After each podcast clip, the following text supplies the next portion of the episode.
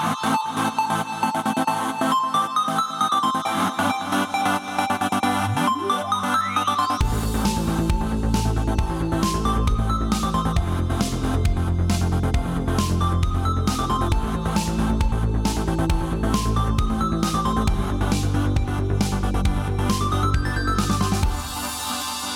Hallå där och välkomna till Nördliv, en osensurerad, oklippt och fantastiskt nördig podcast om spel och allt möjligt. Idag är det den 18 i 6 2021 när vi spelar in det här. Och eh, det är avsnitt nummer 311, det går ganska snabbt. Um, men det säger vi jämt å andra sidan, eller hur? Yes. Det känns som att vi alltid säger, men gud vad många avsnitt vi har gjort. Ja, ja, men om tre år, då kan vi börja snacka på riktigt. Det finns de som har hållit på i tio år. Ja. Fast å andra sidan, om tre år så har vi gjort det i tio år. Mm. Det är just då vi kan börja snacka. Ja, mm. Säg inte det, har vi hållit på så länge. Ja, 2014 började vi där på november. Men det var då det. Eller ja, det är ju i alla fall vår, den här Nördliv podcast. Och vad ska vi då prata om i Nördliv podcast idag? Ja, E3 blir det såklart. Eh, vi fokuserar till största delen då angående E3. Eh, och sen kan det vara att vi poppar in lite eh, spel som vi eh, själva spelat därefter. Och kanske lite tv-serier. Vi får se. Vi får se. Eh, men E3 gick av stapeln och det var ju på tiden. Jag känner personligen att eh, fjolåret var lite så här. Man, man vill helst glömma hur det var i fjol. Och ändå trots att trots att E3 kom så fanns det folk, ja gud, det var det sämsta jag varit med om hela mitt liv. Ja men för guds skull, vill ni, vara, vill ni ha med eller utan E3? Jag, jag säger det alltid bättre att ha det än att inte ha det. Det är samlat, du får de här nyheterna. Tyckte alla om Koch Media? Vi får väl se. mm. Fanns det något där av värde? Ingen aning. Men det var ju spel på det, indirekt. Typ. Ja. Typ. Typ. Till ja. och med på Koch Media. Ja, mm. men uh, E3 i alla fall. Uh, den stora frågan först då, som jag vill uh, skjuta ut, ut, till er. Och vi ska inte fokusera kanske på de stora spelen nu, utan jag är nyfiken på om ni kanske... Det, det har ju visat så många spel. Vi kan räkna med Summer Game Fest och de här sidogrejerna också om man vill. Vilka spel ser ni då som potentiella potentiella framtida eller nuvarande om de har precis kommit ut smyghits. Sådana här småspel som kanske visar sig vara någonting mer än man först tror att det är. Ja. Finns det några som är potentiella pärlor som de visade upp på E3? Ja, uh, nu kommer jag ju nämna ett som är för att det är så väldigt mycket min stil. Om okay, man säger nu, så. Nu kommer Cthulhu här då. Nej, nej, nej. nej. Mm. Uh, happy Game. Ja, Happy uh, Game. Ja, det, det, här som går från att vara puttenutt-gulligt till att bli typ vad är det här för helvetes skapelse egentligen? Uh, jag, jag, tror att det kan finnas någonting där. Uh, faktiskt. Mm. Så jag, jag, tror att det kommer vara unikt och jag tror att det kommer vara ett... Uh, lite det här, oj, jag tror inte att jag har upplevt något liknande innan. Mm. Men mm. det är lätt att säga innan man ens har tillstymmelsen till att få pröva spelet. Precis. Mm. Ja, ja, vad säger ni andra? Har ni något? Uh, jag, jag, skulle säga Encased, som var typ i stil med de Fallout 1 och 2 såg intressant ut. Ja, just det ja. Lite back to, back to old school. Och uh, mm. vi ser... Var det, vi, vi ser, var det där som var lite så här eh, typ Baldur's Gate-aktigt också samtidigt, eller? Uh, ja, alltså, alltså det, det, blir ju så indirekt. Ju du tänker i, första Fallout. Första Fallout, typ. precis. Mm. Isometriskt uh, uppifrån sådär som man tittar ner på. Just det, just det såg ut att kunna, det, det tror jag uh, har en chans att kunna bli en liten smyghit faktiskt. Såg intressant ut och det är liksom mm. för de som spelar de första spelen. Vad var det som du tyckte fick det att skilja sig då liksom från uh, andra spel? Alltså vi ser, vi, jag tycker inte vi ser så mycket av den här stilen och speciellt Nej. när de uh, säger också att det är som ett gammalt Fallout. För mm. Fallout-serien har ju gått så långt ifrån vad de var i början ju. Så mm. nu, nu är det ju liksom första eller tredje person kan man också välja. Men att gå Precis. tillbaka till den gamla isometriska vyn tycker jag är intressant. Det finns ju några spel, några indiespel som kommer här och där som har den vyn, men att mm. ingenting som man ser direkt på sådana här mässor som visas upp. Att här har vi det liksom. Ja, jag, mm. jag tyckte att det stack ut lite grann. Från Wasteland 3! Wasteland 3. Precis. Det är bra grejer förstås. Mm -hmm. Ja, men Jesper då? Var det något litet guldkorn du känner? Men det här kanske potentiellt kan bli något mm. speciellt. Jag tänkte på eh, några stycken här. Eh, det var något typ uh, JRPG som var i stil med typ Octopath Traveler som heter typ Mm. Sacrifier tror jag. Sacrifier, ja såg precis. väldigt snyggt ut och typ eh, man hade någon slags 2D-miljöer fast i 3D typ. Och Mm. de hade byggt upp världen väldigt snyggt. Och det ska vara någon Kickstarter på den nu tror jag. Mm. Eh, Ska nog släppa 2022 om jag inte minns fel. Ehm, sen hade vi något som heter Replaced också. Oh Eh, ja. något, eh, det är också väldigt eh, typ pixel art, väldigt, Mm. väldigt snyggt. Eh, var det någon slags brawler eller något? Kommer inte riktigt ihåg. Ja, det var ju en, ett äventyrs... eh, jag vet inte om det är en bra eller mer som det var en actionspel bara i...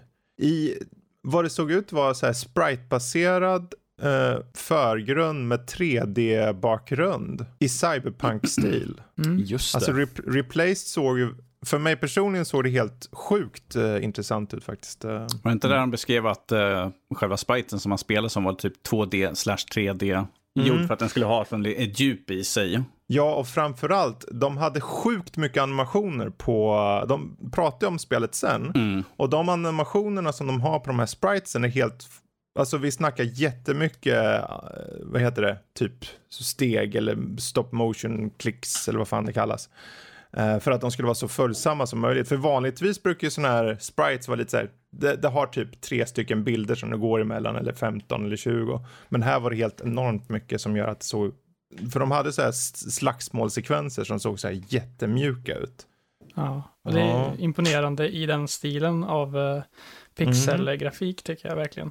Att. Precis. eh, det har verkligen gått ett steg nu med de senaste åren här med, började med typ Octopath Traveler skulle jag säga, Mm. att de går mot att liksom modernisera pixelgrafik på ett extremt snyggt sätt. Precis. Sen hade vi inte om, också. om bara för att dröja sådär, för jag tänkte nämligen ha det här spelet själv då just som ett tips.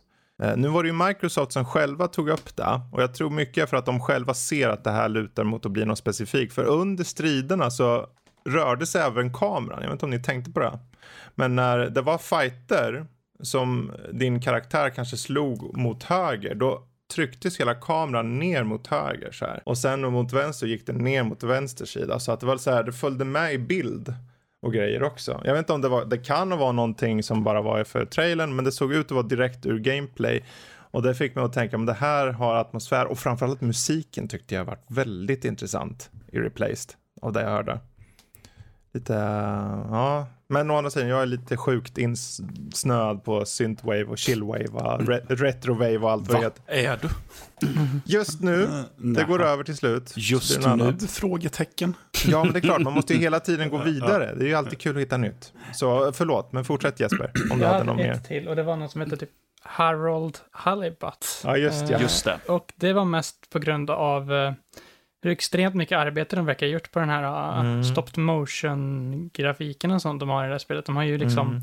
varenda grej har de ju fotat i, de har byggt upp så här lergrejer. Ja, det, precis. Det var ju lergubbar och lervärldar, Ja. eh, eller vad man kallar som de sen har gjort eh, 360 graders inskanningar på i väldigt hög upplösning för att det ska verkligen se ut som det i spelet och det gjorde det ju.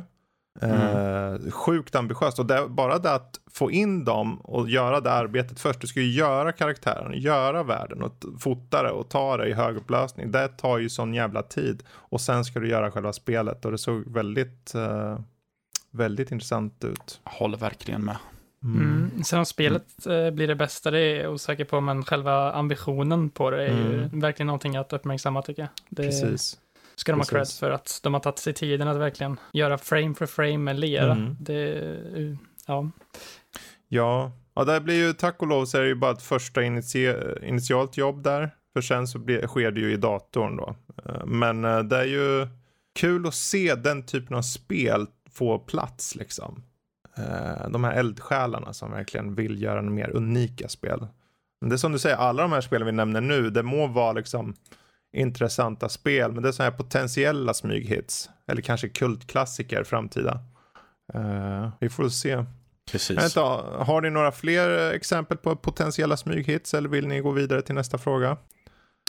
Nej, jag har inget. Nej, men Alltså, då så. Ja, nej, alltså jag har ju spel som är, liksom, är redan i serier, så, eh, Mm, tidigare serier. okej. Så. Ja, men då så. För nästa fråga är egentligen då, jag vill konkretisera ner det för er per person. Ni kan ta säga typ tre spel som under hela E3 gjorde er mest pumpad liksom. Mest så här, wow, det här är spelet för mig. Så ja, Jesper, om du börjar då. Eh, jag kan börja med den mest självklara och den jag är absolut mest pumpad för. Eh, och det är ju The Legend of Zelda, uppföljaren till Breath of the Wild. Eh, det, eh, Breath of the Wild är ett av mina favoritspel det senaste decenniet. Och att få se det få en uppföljare. Men de verkar gå upp i luften och utforska liksom luftvärldar och grejer. Precis. Det ska bli riktigt intressant att se hur de tar vidare det. Och sen hur eh, de verkar bygga upp för en ganska mörk, eh, mörk berättelse med att eh, någon karaktär som verkar vara typ Ganondorf eller någon eh, liknande Mm. lyfter upp slottet och Zelda faller ner i avgrunden verkar det som. Och eh, vi får se. Det kommer att bli Ja. ganska mörkt tror jag. Ja, jag tror det. Det. Roliga här, eller roliga och roligt, att det just tar en mörk vändning, att det ser mer mörkt ut. Det gjorde att jag blev nästan ännu mer nyfiken på det faktiskt. För att det, det, det känns som att de då tar nästan mer allvar på berättelsen. Att verkligen få dig mer investerad i vad som händer rent berättelsemässigt, narrativt. Eh, där jag egentligen kände att de kanske var lite svaga i förra. Men här Det- tror jag det här är perfekt väg att gå. Jag hoppas det i alla fall. Sen får du se när de väl kommer. Men ja, N- ja. Ja, eh, nästa spel eh, tror jag i eh, Elden Ring. Mm. som introducerades på samma Gamefest. Jag kanske inte har varit den största Souls-fanet om man säger så, men Mm. det här spelet verkar ändå väldigt intressant och ganska mycket som min typ av spel ändå med det här öppna världstuket och att man kan rida runt på en häst och utforska olika grott och grottsystem Mm. och ta ner bossar och Precis. eh, så jag tror att det här kanske kan vara det som får mig in i Souls-like-genren eh, Mm. om det har tur. Så då har vi det. Och sen Mm. även, eh, som jag kanske inte själv liksom, jag är väldigt nyfiken på det i alla fall, det är Metroid Dread. Eh, Just det, precis. Metroid 2D-serien har inte fått ett nytt spel på 19 år eh, nu. Mm. Eh, och det här Metroid Dread, det, det började de jobba för på typ 15 år sedan, men de verkade hamna i någon slags development hell eller någonting. ja, och den, den kom och gick och sen la de ner det och sen så plockade de upp och ja. Men det är kul att se att det plockas Ja. upp och faktiskt dammas av och görs någonting nytt så att säga. Eh, Jag Absolut. tycker ändå det är kul att de inte bara lämnar den serien bakom sig och liksom Mm. fortsätter på det. Och de har ändå även gått ut med och sagt att eh, efter Metroid Dread så ska de fortsätta göra 2D Metroid-spel. Så att Mhm. det, det kommer ju inte dö. Och det, Nej, verkligen den inte. har verkligen sin rätta plats på den här eh, handhållhybriden känner jag också med att man kan spela Mm. det, både ta med sig det och sätta sig bredvid tvn och spela det. Precis. Det kan bli intressant. Och så tänker jag även om hur de har eh, det estetiska i det. Att de har tagit Mm. någon slags portal-look på fienderna typ. Med de här typ. Ja, just det. Så det ska bli Mm. intressant att se. Det ser inte så jättemycket Metroid ut på det sättet tycker jag. Eh, Ja, det var, jag kommer inte ihåg vad jag tänkte på när jag såg det. Var, det jag reminissade om någon, någon film eller något jag hade sett som hade liknande estetik på fiender. Men absolut, Portal stämmer ju ganska bra rätt in också faktiskt. Det gör på de där fienderna där. mm. Ja. Det var Okej. väl de tre för mig. Mm. Vad har du själv då, Jättebra. Fredrik? Ja, ska vi hoppa till mig direkt då? Eh, kan vi göra. River av mig. Ja, jag fann det lite svårt först här. Vilka är det då? Det... Ja, räknar man med Diablo 2, ja, då får du göra det. Ja, Re- Resurrected. Det är ju en tråkig titel att ta upp, för det är ju bara en remaster. Eller remake, eller vad man vill säga. Jag fast Eh, tycker att den ser bra ut så. jag tycker den ser bra ut, men framförallt den genuina glädjen som jag vet att tvåan har och att du kan köra åtta personer samtidigt Woppa. gör att jag känner, men jag bara föreställer mig ett gäng nördlivare springandes runt och hacka skiten ur saker. och så hör man The Butcher bara, um, fresh meat. Och så springer han ut och så kommer en norsk och bara, nej, han tar. Och så kommer sju andra nördlivare, nu ska du få smaka din bu- Butcher. Ge fan i vår norsk. Ge fan i vår norsk. Han ser så väl aptitlig ut. Det är- Njam, njam. Ehm, och sen då efter det så skulle jag säga det här är svårt. Jag tycker det var så mycket spel. Men om jag måste välja så skulle jag säga Planet of Lana.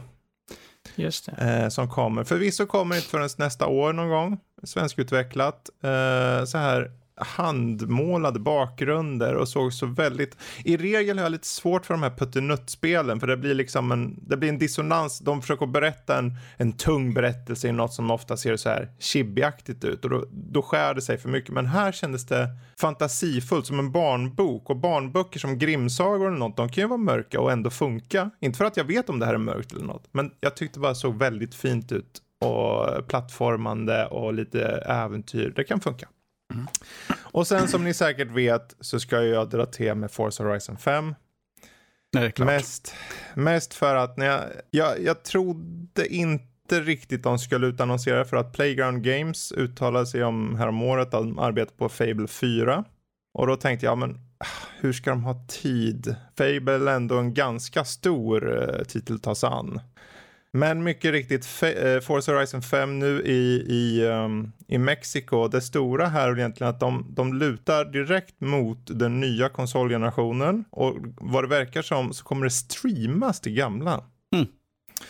Uh, för att de uh, har mer eller mindre byggt upp motorn så pass mycket att de har fört in raytracing och sånt, vilket blir en, en prakttitel. De siktar på 4K 60 FPS på den här på konsol. Eh, och framförallt en enorm skara, pluppa på kartan, äventyr, knäppa uppdrag, jaga saker säkert, åka runt, arkadracing och allt vad det är. Mm. Och bara fokus på kul och jag är så peppad. Om de bara lyckas hålla den lika bra som förra så kommer det vara ett av årets bästa bilspel och kanske ett av årets bästa spel. Vi får se. Peppar peppar. Ja. Eh, men eh, det är den, eller dem, mm. för mig. Så Matte Mateliusson. Jaså, nu är det min tur. Tre ehm, spel um, som ja, du är peppad för. Ja, jag är peppad på 12 minutes. Mm -hmm. Den här uh, thrillen med bland annat uh, Willem Dafoe, James McAvoy och vilka det nu var som var med i den. Um, Mest bara för att jag vill se lite vad det är för något. Det enda jag vet är att det är en thriller som handlar om en man som är fast i en loop. Mm. Uh, och ja, det, det, verkar vara väldigt mycket min... Uh, det, det, är väldigt mycket spel, ett, ett, typ av ett spel jag är intresserad av. Precis. Så. Uh, så jag vill, jag vill se vart det tar vägen. Ja, och det är inte lång tid kvar. Det var ju typ i augusti mm. där. Ja, precis. Och det blir ju tillgängligt på Game Pass också. Så mm. det är ju bara att hålla fast vid det som en teddybjörn så kan man testa det. Mm. Um, sen var det något mer jag tänkte på, det, jag tappade namnet på det. Um, lite på samma sätt, jag är in, nyfiken på vad spelet kommer vara för någonting och vad mm. de gör med konceptet. Och det är uh, Conway, uh, någonting med Dahlia View. Just det, Disappearance of... Uh... Och det hade ett jättelångt namn. Ja, hade det.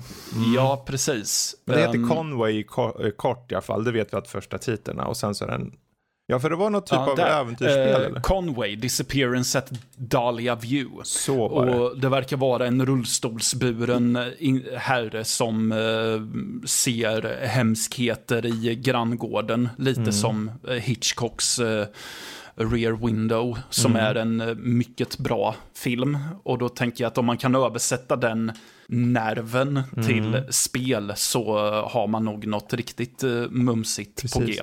Jag tror uh. fördelen där, till skillnad från vissa andra som Hitchcock-filmer och så överlag, ja. för det här känns ju väldigt taget så här inspirationsmässigt från Hitchcock. Ja. Det, Rear Window är bra på det sättet den står sig idag. Folk kan känna den nerven. Om du ja. tittar på fåglarna idag med din tioåring så ja. kanske den inte, den kommer inte hålla. Det vet jag av mm. egen erfarenhet, men här är nog bra koncept. Ja, Sen, eh, ja, sen är det, är det mm. lite... Har, du, har jag var det ingen svårt. som du kände riktigt pumpad för nu? Kom igen, har du någon sista mm. som du bara känner, oh, det, här, det här bara måste jag spela? Det får vara en given mm. titel såklart. Liksom ja, ja, ja, jo, det, det, är ju det. Men, och jag tänkte på en given titel först, men jag vet inte hur nej. superpumpad jag är på den. Nej, nej, nej, men någorlunda pumpad då. Ja. Ja, men vad fan, jag kör på det. Behöver inte vara så märkvärdig och ja, välja nej. Eh, små spel hela nej, tiden. Ja, men Far Cry 6. Ja. ja. Far Cry är alltid kul, tycker Precis. jag. Eller, eh, ja, jo, det är för det mesta kul. Det är en lekstuga. Man, mm. man får röja runt på, i en öppen, på en öppen karta. Det är många pluppar, det är mycket skojiga mm. vapen, mycket knasiga karaktärer. Precis. Ja. Så Far Cry 6 Ja. Och Ja. just det, också nämna Juan Carlo Esposito som Precis. De skurk med. där liksom. De har Mm. i regel väldigt tydliga skurkar, ja. Men nu med honom, det, det är kanske ett commitment om, eh, på att det barkar på ännu mer fokus på story. Vi får se. Precis. Ehm, ja, Danny, får vi höra Far Cry 6 igen eller har du några andra spel som är dina tre? Eh, ja, jag, jag tänkte köra liksom på spel som inte är liksom uppe till... För jag har, jag har liksom två stycken. Jag har liksom en som är som folk redan kan räkna ut, Far Cry 6, Diablo 2, A Plague Tale, Requiem. Men jag tänker inte ta dem, för jag tänker ta något som faktiskt inte har nämnt tidigare här. Eh, Fatal Frame, Made of Blackwater, för att jag har inte kört det spelet sedan det var ett Wii-spel ja. från början. Just det, ja. Och nu kommer det, det kommer ju till, till alla konsoler ändå, så Mm. då kan jag ändå få tillfälle att köra. Eh, nu har inte jag en Switch, men eh, Metroid Dread ser väldigt intressant ut. Det ser ut som originalspelen, vilket var de jag har kört i serien. Mhm. Och sen, bara för, eftersom jag recenserade det andra spelet i serien, så att säga, Marvel's Guardians of the Galaxy. Just det. Just För det. jag är väldigt nyfiken ifall vi kan få något som faktiskt är bra och håller i längden till skillnad från Marvels Avengers som efter att du kört banorna x antal gånger så, och inte har kompisar att köra med som jag körde majoriteten av spelet så tappade extremt snabbt och vi ser att spelet har ju tappat extremt mycket. Det är ju knappt vid liv längre Precis. nu. Så jag är nyfiken. Plus att som Matte sa att det är väldigt Telltale-inspirerat med dialoger och sånt där och val. Så att jag är väldigt nyfiken på hur det är. Och striderna ser också ganska intressanta ut. Så. Ja. Ja. Ja, jag fick, väl- jag fick, mest, ty- jag fick nästan lite eh, eh, Bioware-känsla av det. ja, det också. Mm. Det, det är lite som en mix av båda två känner jag. Ja. Ehm, För det är, Och sen ja. känns, känns det, sen just striderna kändes väldigt eh, rollspel på något Mm. sätt. Också. Just att du kan, du har ett party som du kan påverka hur de ska, Mm. oj, nu misshandlar jag min mikrofon också. Eh, Det är lite som, lite som kotor där du valde liksom att jag byter, Ja. byter liksom den här karaktären ska göra de här Ja, attackerna och just sånt. det. Så, ja, Ja, typ så här kombomätare och grejer. mm. Ja. Bygga upp så här för starkare attacker, Mm. tror jag. Så. Men de Jag tre, hoppas att det jag, är tänk, jag, tänk, jag tänkte jag skulle sticka ifrån liksom vad som redan är uppenbart att Ja. jag tänker välja ändå. Så. Mm. Ja, och, men, å andra sidan, som du- de du sa där ursprungligen, som Far Cry, det ser jag fram emot. Jag ser Ja. fram emot det här väldigt mycket. För det är ju det att, det är ju tråkigt på ett sätt just för att, ja, det, vi vet ju vad man får. Men det är just därför jag ser fram emot det. Ja, ja men det, det är det jag menar också. Det är Ja. som att se fram emot en eh, maträtt som ska serveras som man vet att ja, men det där är alltid gott. Ja, Om exakt. det nu inte är en klåpare ba, eh, som har stått och, i köket och rört ihop det. Men det är någonting, jag vill bara, jag vill bara ut i terrängen Mm. med den här tjejen som man spelar som och sen bara skjuta eh, CD-skivor i ansiktet på någon stackare. Det är vad jag vill göra. Och så Ja. köra, nå- vad var det för någon låt? Macarena. Macarena. Hej, Macarena. Eh, jag menar, ja, måste, måste. Ja, jag, jag, som sagt, jag ser extremt mycket fram emot Cross. Jag har ju köpt in med, eller förhandsbokat med Collector's Edition. Plus att i Season Pass ingår, ingår ju en upphottad version av eh, Far Cry 3 Blood Dragon. Så det ska bli intressant att se där och Just. köra där igen. Precis. Så eh, Precis. egentligen så, på mina tre som jag sa först, det är liksom Diablo 2, vilket är en remaster på. Mm. I Far Cry 6 får vi Far Cry 3 Blood Dragon, så det är två stycken nyutgåvor. Ja. Så det enda som stack ut där är egentligen Plague Tale Requiem, vilket ska vara intressant, som jag tyckte så jättemycket om första spelet. Så, Mm. plus att de utannonserar ju att första spelet kommer en remasterad, eller en upphottad 4K-version också ju. ja, just det. Så eh, det ska bli också bli Ja. intressant som kommer här framöver ju. Man kan ju säga så här, vad, av alla de här showerna så är det ju en sak säker. Vår lilla lista av spel som vi skriver upp blev ju ganska väl påfylld. Jesper, Ja. vad sa du? Att du hade, du hade satt, slängt in över 50 spel någon, eh, under en dag eller vad det var för någonting? Ja, det kändes så i alla fall, för jag satt och typ bara skrev och skrev och skrev. Och... Och så säger, och än en gång, och så får man, det är så tråkigt med E3. Ja, men vi får ju det vi vill ha. Någonstans, det, vi ska gå in här på, fra, med frågan just vad, vad är definitionen av så kallat vinna E3. Men någon som redan har vunnit, det är vi. Vi har redan vunnit. Vinnarna var oss, spelare. Vi, har, Ja, så- vi får massor med spel. Så jag förstår ju inte några i chatter på eh, några av de senare eventen som gnäller på att va, varför vi, eller typ så här, va, spel på en spelkonferens, unheard of. Och det vart så här, vadå, ni, ni har väl Va? fått se jättemycket spel? Ja, Plus, Ja. att det här var, plus att det här var ju också typ höjden av livströtthet eftersom att det här var under ett av Racers. Aha. Men då ska var- inte visa spel. Och då, då var det så här, om du förväntar dig att få se spel på en, ett Racer-event, Åh, då, då, då sitter du i fel chatt, min vän. Ja, verkligen.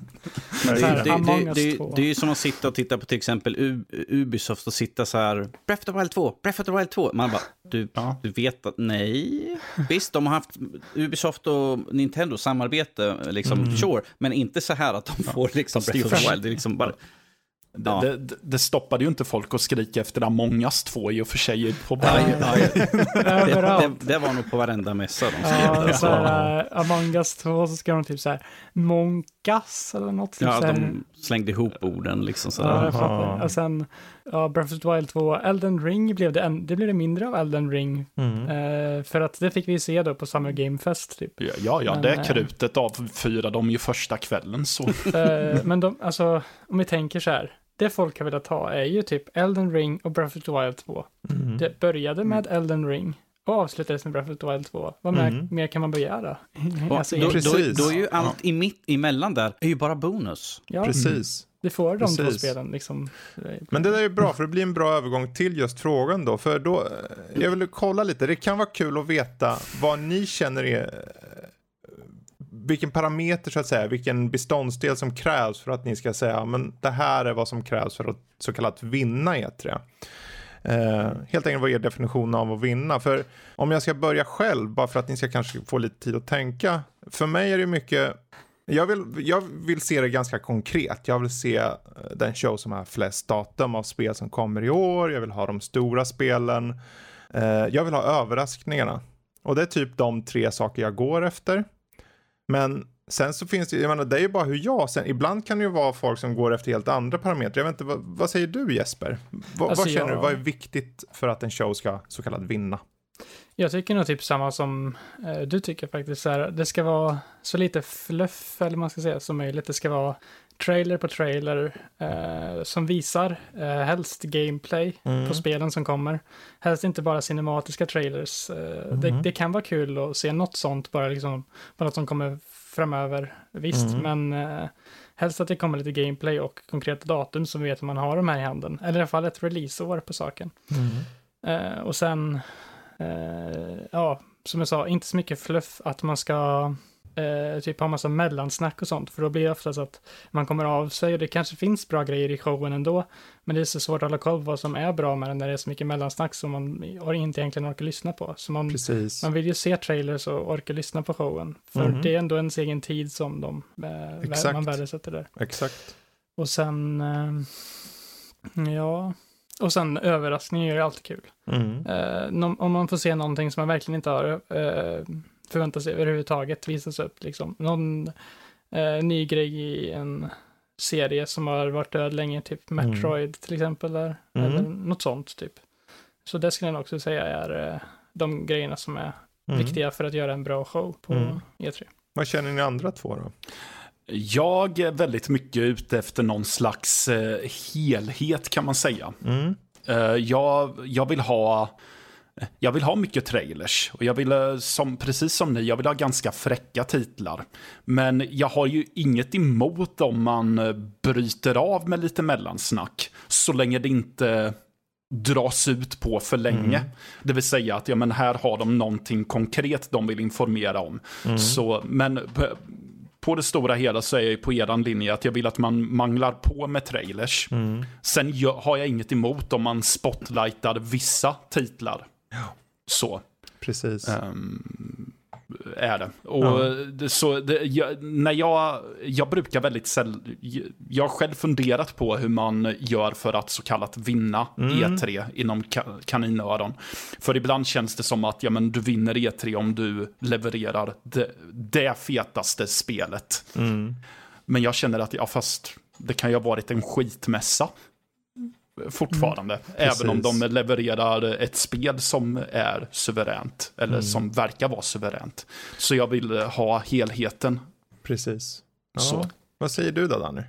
Nej, alltså jag håller med på väldigt mycket. Eh, först och främst, för en show ska liksom fånga mig. Du ska ha de stora spelen.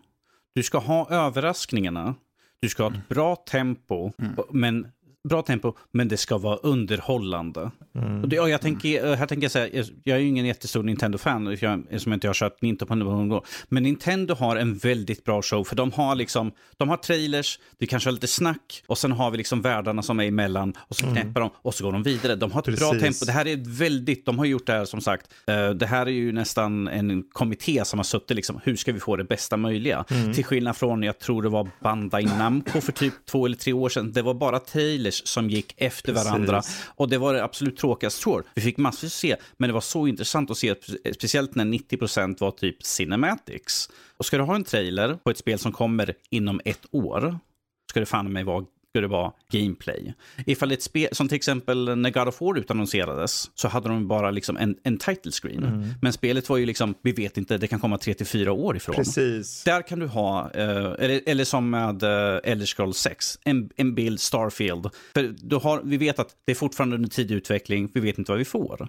Det är jag helt okej okay med. Så, men i princip, och, och en av de absolut viktigaste, speciellt jag tror mest för oss, är som vi recenserar. Så det ska fan vara datum på grejerna så vi vet när de kommer. Jag väntar fortfarande på det jävla Halo Infinite som de bara, det kommer någon gång i jul. Samma sak med uh, Horizon uh, Zero, Zero Dawn. Dawn. Forbidden West. Forbidden West, West, precis. Ska, kommer Holiday någon gång? Ja, men säg datum i så fall. Var inte så jävla veliga. Men som sagt, vi vet ju att både Into West är ju osäkert ifall det kommer för att de håller fortfarande på att arbeta och det är på epidemin. Halo har ju haft ett år nu av utveckling mm. och jag är ifall det inte kommer till jul då kan de lika gärna skippa det i så fall, för de, då har de redan förlorat mig mm. där så att säga. Ja. Det, det, är ju svårt det här med datum, jag förstår ju från deras sida att de låser ju in mm. sig själva då. Det mm. blir ju så, för jag menar, var de, det är märkligt egentligen. Tänk efter, vad är det de gav datum på, vad gav de inte datum på? De gav datum på Starfield, men de gav inte datum på Halo. Precis. Det är mm. riktigt Och Starfield alltså. kommer någon gång 2022. Halo ska komma eh, till Holiday nu 2021. Mm. Precis. Star, Starfield kommer november 2022. 11 november 2022. Mm. Så den, och, det är liksom, och där har de tiden. Va, vad är det som gör då, va, varför är det så? Jag tror att mm, just i Halos fall så är det väl mycket att så som det blev sist, det ligger de nog lite så här, eh, de har det i bakhuvudet, de vill inte ge ut för mycket, de kanske Precis. vill vara safea liksom. Mm, plus att vi noterar de visade bara multiplayer. Det var ingenting från huvudspelet egentligen. Vi fick inte se någonting därifrån. Vi fick, de promptade mest för multiplayer som ett mm. free to play. Liksom, sådär. Det är Precis. gratis. Och du kan köra. Ingenting om eh, hur de, vad de har uppdaterat, hur de har fixat med karaktärer, modell, eh, eh på texturer Bara den där in-game-grejen när han hoppar Pre i rymden. Och... Precis, det är det enda. Men det är ju cinematics där ju. Uh, men vi fick absolut nada om storykampanjen. Det kom liksom så här, mm. multiplayer och sen liksom så här, uh, storykampanj. Den var, jag vet inte om ni så, sett om den någonting, men den tycker jag är lite intressant den, för den är in, uh, in engine och uh, uppenbarligen så är den raytracad. Mm. För att uh, när han hoppar i rymden så ser man alla karaktärer som han kollar på i hans visir.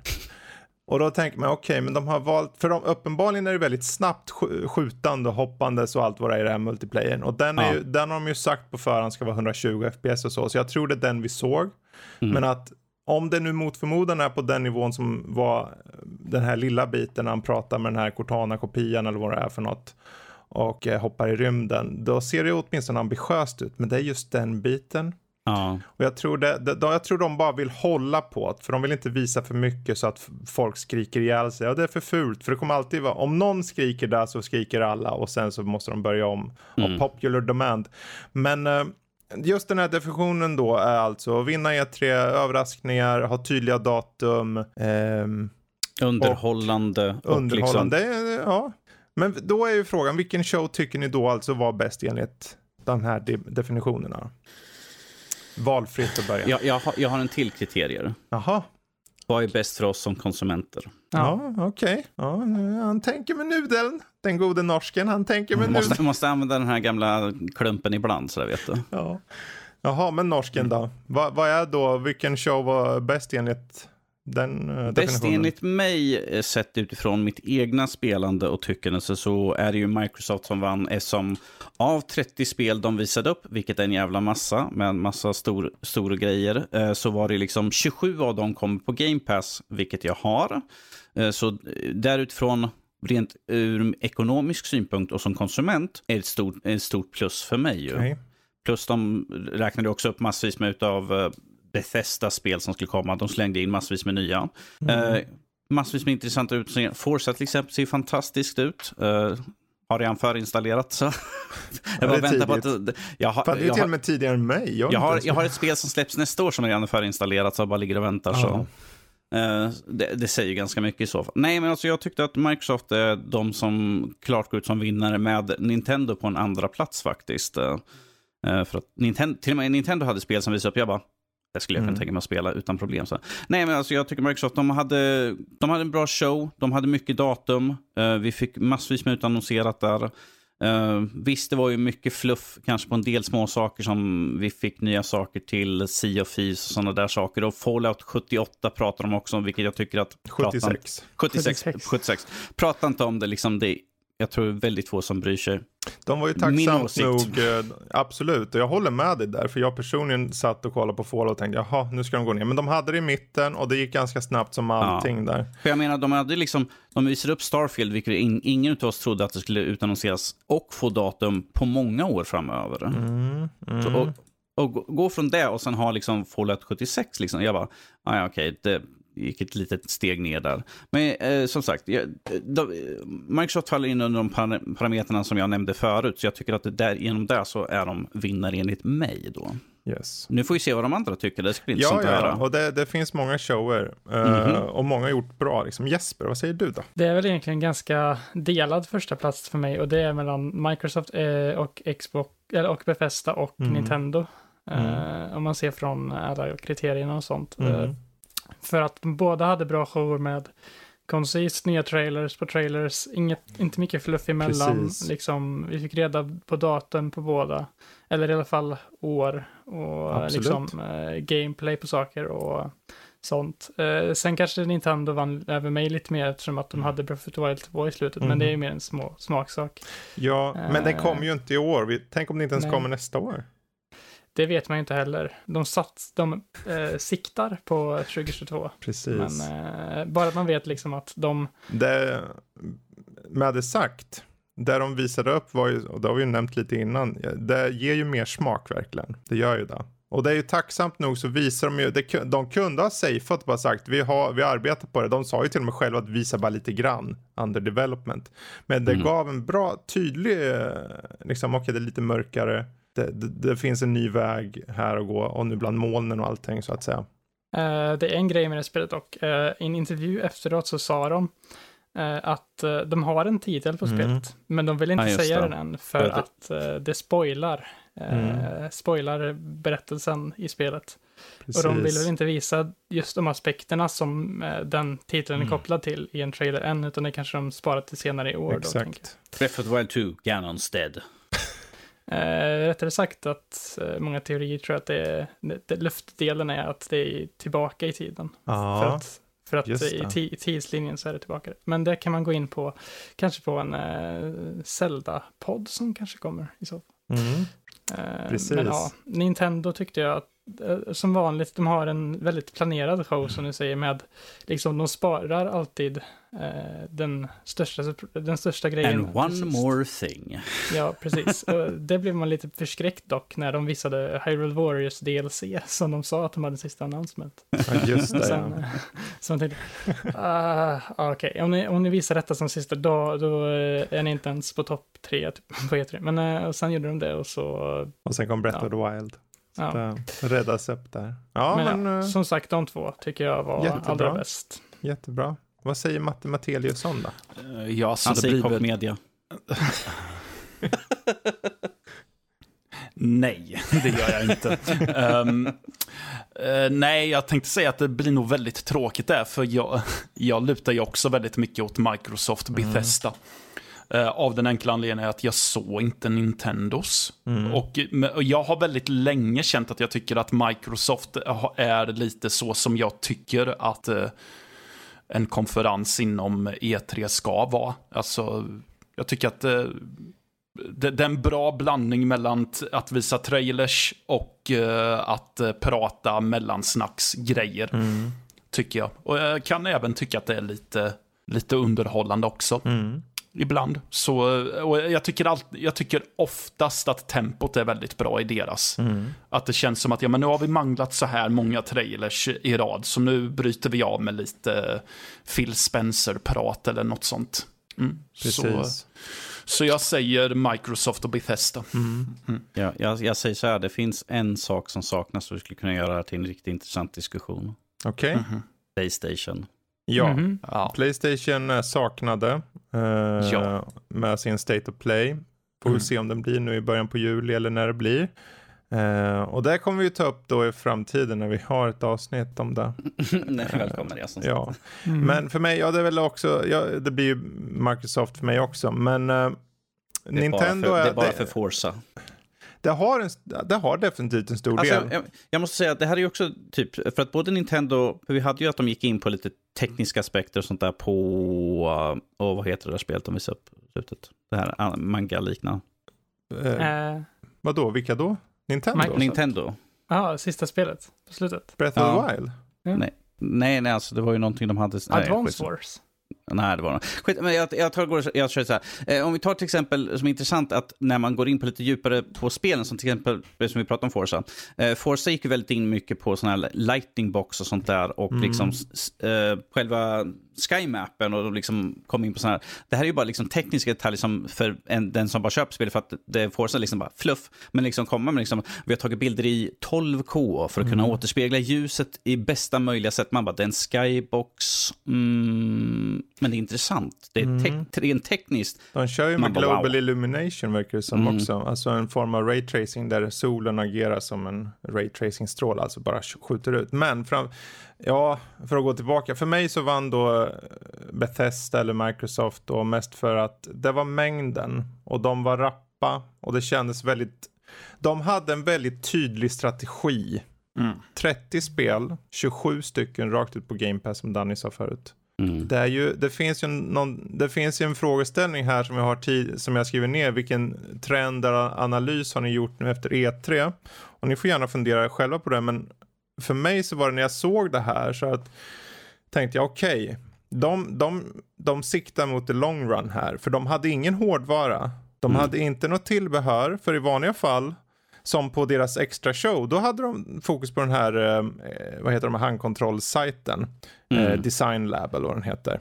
Men de hade skippat allt sånt och bara fokusera mer eller mindre på Xbox Game Pass. Att det kommer ut, det står efter varje titel nästan, eh, Day One on Game Pass. Mm. Och det är, in, det är deras fokus nu. För även om, för på Nintendos sida, de hade ju den här Game Watchen på slutet och de har kört lite sådana grejer. Så det är inget ovanligt och den såg för övrigt ganska snygg ut måste jag säga. Eh, men det är lite mer splittrat där och de hade en del portningar och de hade, precis som Microsoft också hade en del titlar som kanske inte var min kopp av te. Men det känns bara att mängden övervann så pass mycket. Eh, och så väldigt konkret bara. Sen är det såklart, jag menar av åtta nya spel, åtta nya spel utannonseras med datum på deras. Mm. Det, jag vet inte, det kändes som ett väldigt starkt år i, till E3 då för Microsofts sida måste jag säga. Det, eh, Ja. ja. Starkare än vanligt vad jag uppfattat med Microsoft. Brukar inte de ha mera typ så här fluff på deras shower? Ja.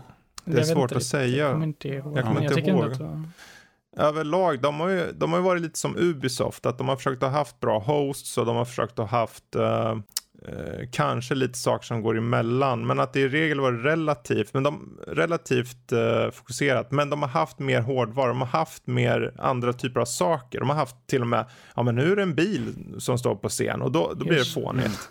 Eh, men så var det inte den här gången och jag tänker den där analysen är ju att det, det handlar ju om att det här är vad de kommer göra närmsta åren tror jag. De kommer hela tiden bara mangla för det som är absolut. Vad hade Bethesda med förutom sina spel? De hade att Bethesda lägger till tio nya spel på Game Pass. Mm. Ja.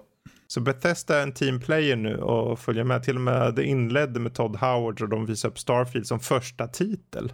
Till och, med, till och med han var lite dämpad. Liksom. Det var Ja. liksom fyra gånger upplösningen, 38 gånger storleken. Och sen, det var liksom, här är liksom det här som, här är det som gäller nu. Så. Det, och sen att de säger att vi ska ha ut ett spel i månaden nu fram till årsskiftet. Och det ska fortsätta sen. De ska ha ett storspel i kvartalet.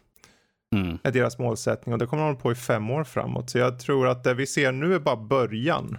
Mm. Nästa år kommer bli helt bananas. Och då har vi också nästa år sjukt på alla sätt och vis. Alltså det är galet. Alltså hur ska man ha tid för alla de där spelen? Det är ju så mycket som kommer släppas. Det är... Oh. Om vi tar, för just den frågan då, om vi kollar på de spel som specifikt kommer nästa år, om vi bortser nu från ET ett tag, så har vi allt från God of War till eh, Breath of the Wild 2, till uh, potentiellt ett nytt Assassin, till, mm. uh, ja allt, jag kommer inte ens ihåg hälften. Starfield som Starfield, Eh, Stalker 2, Elden Ring, det här året som kommer, som kommer nästa år, det, jag tror att eh, det kommer bli sånt där år som folk sitter, jag, jag måste välja bort saker, jag måste välja bort storspel. Här, här, ser vi ju klara och tydliga de här konsekvenserna av epidemin med egentligen mm. i att det är så mycket spel som har skjutits till i år mm. och mycket av de spel som var planerade att komma i år har jag ju sett liksom, spel har ju bara flyttats fram liksom hela tiden. Och jag tänker ifall vi har så mycket spel som är utannonserat för nästa år. Vi pratade om här lite grann vid sidan av, eh, när vi, efter att hur många spel som egentligen är planerade för i nästa år kommer mm. kanske skjutas fram för att det är så mycket spel som, det, det, är, liksom, det är som en vägg som trycks framåt hela tiden. Och, de, de, folk, och spelen står på kanten, liksom bara, vad ska vi göra? Mm. Och jag tror vi kommer ju se konsekvenser av det här nästa år. För om alla nu sätter 2022. Det är en sak med de som sätter specifika eh, datum då. För då har de mm. åtminstone, mm. då, då vet ju konkurrenterna där och kan anpassa sig. Ja. Eh, och då har vi en, vi vet, om, vi vet om God of War, men vad mer har Sony? Inte släpper de bara ett spel nästa år, det tror jag inte. Nej, gud nej. Eh, och det är liksom hela den här uppsjön av spel. Och då har vi småspel vid sidan om. Allt från det här, och då säger jag inom situationstecken småspel. Tiny Tinas Wonderland, Splatoon 3, Gotham Knight, eh, A Plague Tale Requiem. Vart är Hellblade 2? Eh, Replaced, Hogwarts Legacy. Eh, Final Fantasy 16. Final Fantasy 16. Suicide Squad. Suicide Squad. Och det, och det är de spelen som är under de spelen vi nämnde först. Så nästa år blir potentiellt en av de sjukaste åren någonsin. Om inte det sjukaste året i historien mm. hittills. Precis. Vi hade ju, vad är det, två år sedan vi hade storspel som släpptes liksom en månad emellan. Mm. Eller till och med bara veckor emellan. Och spelet som var i mitten, det var liksom så här, det är kört. Ja, det var väl 2018 det var så va? Kanske det var. Ja. Ja, det var ett sjukt år. Men det är just, om vi ser nu till den här hösten då, för att kanske runda av det här lite. Uh, vi vet ju, nu, nu, vet vi ju vad som kommer mm. uh, av det som har utannonserats. Men finns det, finns det något spel eller någonting som ni känner om det här kanske kan komma att nailas uh, även också i höst eller i, i vinter? Eh, det finns ju ett par spel som ännu inte har ett exakt datum. Finns det något som kommer till era sinnen på spel som ni hoppas kunna ytterligare sättas till hösten eller vintern? Alltså bara rakt upp och ner så tänker jag säga att jag hoppas att Halo kommer för att jag har ingen lust att vänta längre mm. uh, på det. Jag vill jag har inte kört Halo på jättelänge och mm. Eh, det som de visade upp, jag brydde mig inte så mycket. Jag bara, Halo, öppen värld, klättra mm. på kartan, coolt. Jag har kört så mycket sådana spel så det är coolt att köra Halo i det också. Men uh, så, och jag förstod inte riktigt vad folk gnällde om. Liksom. Jag bara, det är ett Halo-spel. Ja. Du ska bara skjuta, du ska bara skjuta Grunts i ansiktet och ja, höra. Jag, jag tror att om de gör det rätt så kanske vi ser en renässans här. För ungefär som på samma sätt som Assassin's Creed gjorde med Origins. Mm. Att de yes. tar det i en ny riktning men bibehåller själen av det hela och får en, ett uppsving. Men det, det gäller att balansera det rätt. Har ni andra några, något spel till hösten ni hoppas blir cementerat i tid? Jag eh, har ett eh, mer säkert och ett mer osäkert mm. eh, kort här. Det första är då, eh, det, alltså det är inte jättesäkert heller, det är Horizon Forbidden West. Precis. Mm. Det känns ju som att, jag hoppas verkligen att det släpps i år, för om det släpps nästa år, hur blir Goti då? Men, ja, precis. och sen jag vet inte, det här kanske låter väldigt ballsy, man ska säga, men eh, Final Fantasy 16 mm. tror jag fortfarande har det. För det såg så polerat ut när de visade det, så jag känner Precis. att det finns en, fortfarande en minimal chans att, uh, att det finns på Sony State of Play mm. nu i juli eller när man har det. Och att det kommer typ december 2021 eller något. Mm. Det, det, det, finns... det, är ett bra, faktiskt ett riktigt bra förslag där, för egentligen vad, så, uh, vad Square satte rent tidsmässigt var ju ett, de här Life is Strange-spelen, men de visste vi sedan innan. Och egentligen utöver det var ju den nya, enda nya var ju Guardians of the Galaxy och det är oktobertitel. Mm. och eh, då uh, Stranger of Paradise Final Fantasy Origin också. Ja, ja, men det, det får ju inget datum i år. Det var ju 2022 Nej, just det. på den. Ja, just Uh, men jag tänkte, det lämnar ju öppet då för, precis som du säger, potentiellt en uh, Final Fantasy 16 till december. Det här, jag, jag, tror att de är ju inte dumma Square. Jag tror inte någon av de här är dumma på det sättet att de, ja men vi slänger bara ut det. De måste ju känna av marknaden. Okej, vad släpps i jul? Om Horizon släpps i jul så blir det ju så att det suger upp folk liksom. Särskilt om det är på Sony. Uh, jag vet inte, vad det, det, var det spelet även till PS4 eller? Horizon? Eh, 16. Ja, Horizon var till PS4 ja. Till PS4 också, okej. Okay. Ja, då då mm. tror jag definitivt ännu större chans att de avvaktar om de ser att det släpps. Om de inte faktiskt släpper nära oktober, kanske i november. Men å andra sidan finns det väldigt starka spel i november från andra konkurrenter. Så det är, mm. vad, vad, tror du. Matte, finns det något spel som du känner, men det här, det, det kanske cementeras, det kanske får datum som inte har fått datum? Nej, jag vet inte fan riktigt. Um, jag har soppat till med ett spel som jag inte tror att någon uh, bryr sig om. Och det är okay. uh, eh, Sherlock Holmes Just Chapter 1. Just uh, från Frogwares. Mm. Um, eller Frogware. Frogwares. Jag är bara förvånad att inte Danny sa Lego. Jag har gett upp hoppet på det. Alltså. Mm, okay. mm. Nej men för eh, de visade en, cine, en ny Cinematic på mm. Eh, IGNs uh, event som okay. krockade med Koch Media. Ja just det, uh, synd. Gjorde uh. de. Um, men det var inget datum som revealades som jag kommer ihåg nej, rätt. Nej. Uh, och vi har inte, som sagt, man har inte fått se gameplay eller någonting sånt. Jag bara kastade ut att det skulle vara kul mm. om den kommer. Uh, så. Precis. sen Eh, ja, så. Jag tror, jag tror du skulle säga Moolander, för alla ser fram emot Moolander. Den här brawler-spelet där man spelar som skruvade kossor. Eh, och sen kommer ett ufo in ibland. Ja. Eller inte. Most anticipated game av alla här. Mm. Precis. Om vi har sagt något annat så glöm det. Det är, det är Moolander som gäller. Som gäller. Ja, mm. ah, ja, ja nej, men, mm. så det skulle vara kul. Ja. För det, det, ser lite intressant ut. Utforska en ung Sherlock och det verkar finnas ett... De, har ju, de började ju med de senare Sherlock Holmes-spelen att mm. utforska lite mer mörker och eh, nästan vara lite så här, okej, okay, mm. ni... Eh, jag säger inte att de vart, att de vart skräckspel, men att de börjar flörta med lite sån estetik. I alla fall. Och så gav de ju sig dessutom på ett eh, Lovecraft-spel i form av The Sinking City. Mm. Som jag fortfarande inte har spelat i och för sig. Så. Men, mm. ja. Matte, eh, jag trodde det var eh, Herlock Sholmes som du var intresserad av. Great eh, Ace Herlock Sholmes, ja just det. Ja, ja just det. Från ja. Capcoms event, det bästa eventet. ja, precis. Oh, uh, nej, jag lär inte stifta någon närmare bekantskap med Herlock Sholmes. tror jag inte. Sätta matte att recensera. Ja, precis. Det är juli ja, nu tror jag, så det blir för, jättebra. För all del.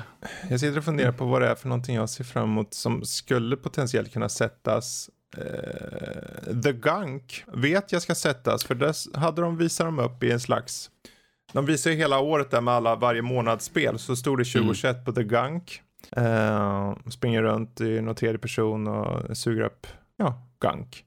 Um, jag vet inte tusen vad det Men uh, jag vet inte, det, det här uh, Chorus är väl jag en av de få som tänker att uh, jag ser fram emot. Det som många korvs. tyckte såg ut som korvs ja, mm. till titeln. Men det var ju en slags rymdshooter med lite så här väldigt suggestivt eh, såg det ut som och väldigt mycket fokus på bara roliga strider in space.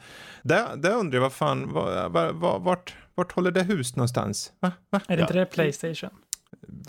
Ingen jag aning. att det kanske var ett Playstation. Jag vet ju att, att det, är ett Koch Media-spel, men, eh, eller Deep Silver som gör det, men jag, mm. Eh, för det ska ju komma till flera plattformar.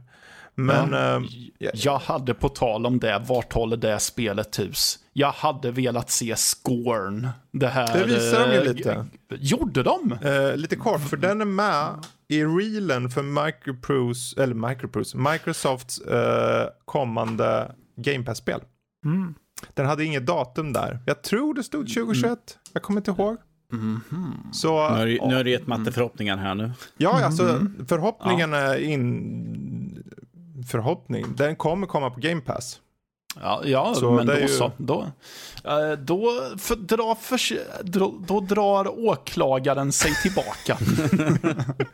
ja, men oavsett, vi ska runda av E3-snacket här. Ert hjärta, det är en sak att tänka så här, men vad är definitionen av att vinna E3? Vad, vilket, vilken show vann ert hjärta? Jesper? Mm. Uh, Nintendo med Breath of the Wild 2, yes. punkt slut. Matte? Typ, men ja. Som vann mitt hjärta. Ja, vann ditt hjärta. Jag vill vara lite blödig. Kom igen nu, ut med det ja, ja, men det, det, det, blir samma. Det är Microsoft. Ja, bra. Och norsk, mm. norsk? Ja, du, herr Olsson. Det var en mycket bra fråga. Uh, jag vet inte. Jag kommer att vara tråkig att säga Microsoft. Ja, för mig är det Microsoft också kan jag säga, bara för att riva av mig snabbt där. Men, men uh, Ubisoft har ju Far Cry 6. Så. Det är sant. Det är sant. Och det hade ju Rocksmith Plus. Precis. ja. Mario Rabbids. Det, det, här måste Mario ta upp. Det, det, här, här är ju ett, som vi ser nu med de här digitala, liksom att jag, jag, ser att Ubisoft är en av de största förlorarna här egentligen. För att om, om Ubisoft är känd för någonting så mm. har underhållande show, live-shower mm. i alla mm. fall. Med, uh, vad heter hon? El, Elish, vad heter hon? Ja. Hon som, hon som, hon som, hon, hon, hon som brukar vara värd för Ubisoft-showerna. Mm, ja. eh, hon var ju liksom livslinan där och med, när de hade Just Dance, det kom in dansande giraffer och allt sånt där möjligt skojigt och sånt mm. där. Och här, här ser vi ju klart tydligt att Ubisoft har ju tappat det genom att det är digitalt, det, det får inte samma energi. Mm. Något jag inte saknar med eh, de vanliga showerna är folk som står på scen och nu låtsas jag spela spel med en handkontroll i handen här nu medan det är förinspelat. Det är något jag inte saknar i alla fall. Ja, mitt hjärta vann också, det var, eller mitt hjärta vann, eh, Xbox vann där. Men eh, bra, det där summerar upp E3. Det var ju mycket och är det som vill ha mer detalj så har ni våra små specialavsnitt som är just dedikerade per show. Vi kanske eh, med flit skippade några, för det fanns ju några shower som faktiskt kunde förbättras. Ja. Um, och Koch Media är väl den vi vet. Vi behöver inte säga något mer om Koch mm. Media. Mm. Uh, vi, hade, vi hade ju... Ja, nej, säg Matte. PC Gaming Show. Hade man kunnat trimma bort en hel del ifrån mm. och ändå haft en relativt tight show, tror ja. jag.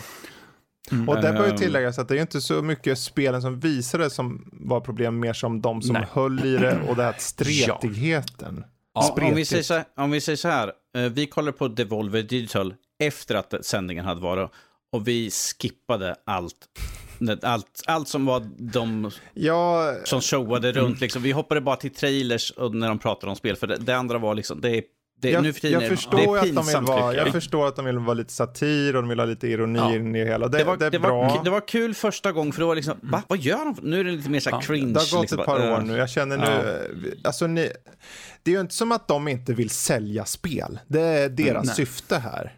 De är ett företag, de vill sälja spel. Gör det bara, visa spelen på en gång bara. Men då, ja. då skulle showen vara kortare än den där indie showcasen som var en kvart. Mm. mm. Jag, jag brukar säga att jag uppskattar, på, på ett sätt uppskattar jag Devolvers attityd. Mm. Att de går in med, de, de, har, de har en essens av lite fuck you-punkkänsla. Punk, ja, precis. Eh, så just det gillar jag. Eh, med dem. Men jag uppskattar ju inte att de ska balla ut i något eh, splatter-epos och grejer emellanåt. För att det förtar lite fokus ifrån vad de egentligen är där för. Precis. Tycker jag. Men eh, alltså, så jag gillar deras approach till det hela. Men jag tycker inte att de utför det särskilt väl. Mm. Mm. Ja. ja, E3 2021. Jag är glad att det finns. För i slutändan så är det ju vi spelare som än en gång blir vinnarna här.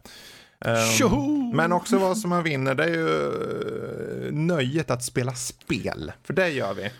Nej, gud, jag uh, hatar. Och till, Usch, till på tv och, och, film och allt vad det är. Um, nej, nej, gud. Och jag tänkte vi börjar med, du gjorde ju en förhandstitt på Tales of Arise, Jesper. Uh, uh, vad, vad, kan du berätta om det? Ja, eh, jag fick eh, lov att spela en 30 eh, minuters cirka lång demo som utspelar sig 10-20 timmar in i spelet.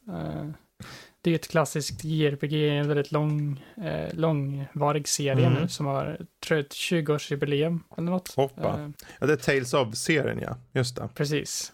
Den ser ju väldigt mycket, mycket bättre ut grafiskt nu än den gjorde tidigare. Mm. Förut var det verkligen, Var det chibi Eh, style så här, eller så här små nej. gubbar eller någonting? Eller? Nej. nej det var bara annorlunda, alltså mera liksom tecknat, Ah, tecknat okej. stil. Nu är det lite mer animerat typ. Jag Ah, tycker det ser fruktansvärt snyggt ut hur de har gjort allting. Mm. Världarna ser extremt detaljrika ut. ehm, Men är det ett JRPG av gamla skolan att det liksom turbaserar strider och sånt? Eller är det mer... Nej, Det det har aldrig varit, det har aldrig varit turbaserade sidor, utan det, Mm. det är ett eh, action-RPG som bygger på att du ska göra olika kombos eh, i strid. Okej. eh, med olika knappkombinationer och sånt. Mm. Så det finns mycket djup där som inte jag kunde lära mig på den tiden jag spelade. Mm. Och kände som att jag kanske hade behövt lära mig lite sånt innan egentligen. För det finns ingen riktig eh, introduktion eftersom att det är 10-20 timmar in. Mm. Eh, men det kändes ändå som att man kan komma in ganska långt eh, i det. Eh, man fick ta kontrollen över sex partymedlemmar. Mm. Så man, man var sex stycken på planen samtidigt som hade olika förmågor och kunde göra eh, olika saker. Storyn eh, vet man inte så jättemycket om än. Eh, för eh, det enda man vet att det är att det är en person som kommer, det är två planeter som är i krig med varandra typ. Rena och Dana tror jag de Mm. heter. Eh, en av de här karaktärerna, Alfen, kommer från en av dem, jag kommer inte ihåg vilken det var, och sen eh, den andra, eh, Shion, som hon heter, eh, Mm. kommer från den, an- en, den andra planeten. Och de eh, blir tillsammans, eh, eller de blir i ett party med andra. Mm. Eh, och så ska de ut på äventyr. Eh, jag fick inte ta del av någon cutscene eller någonting, utan det var bara ren gameplay. Och jag måste säga att striderna kändes riktigt eh, kul att strida med. Det var väldigt mycket flashiga eh, sekvenser Mm. med mycket, ja, så här, specialmoves och grejer som kom upp på skärmen och sånt. Så ja, jag tyckte att det var, om, det, om jag ska jämföra med någonting som jag kört tidigare, när det kommer till eh, känslan och sånt, så är det nog Xenoblade Chronicles-spelen som jag tycker väldigt mycket om. Eh, och jag vet att det är många som gillar Xenoblade gillar Tales of, så att det kanske spelar in Mm. det. Men eh, Ja, Ja. och spelet släpps nu i september, 10 september. Och det är kul att vi fick testa det så pass tidigt ändå. Uh, mm. Och, men vi, vi kommer väl återkomma till det längre fram då antar jag, när vi har lite mer kött på benen så. Kanske någonting om spelets story. Ja, apropå kött.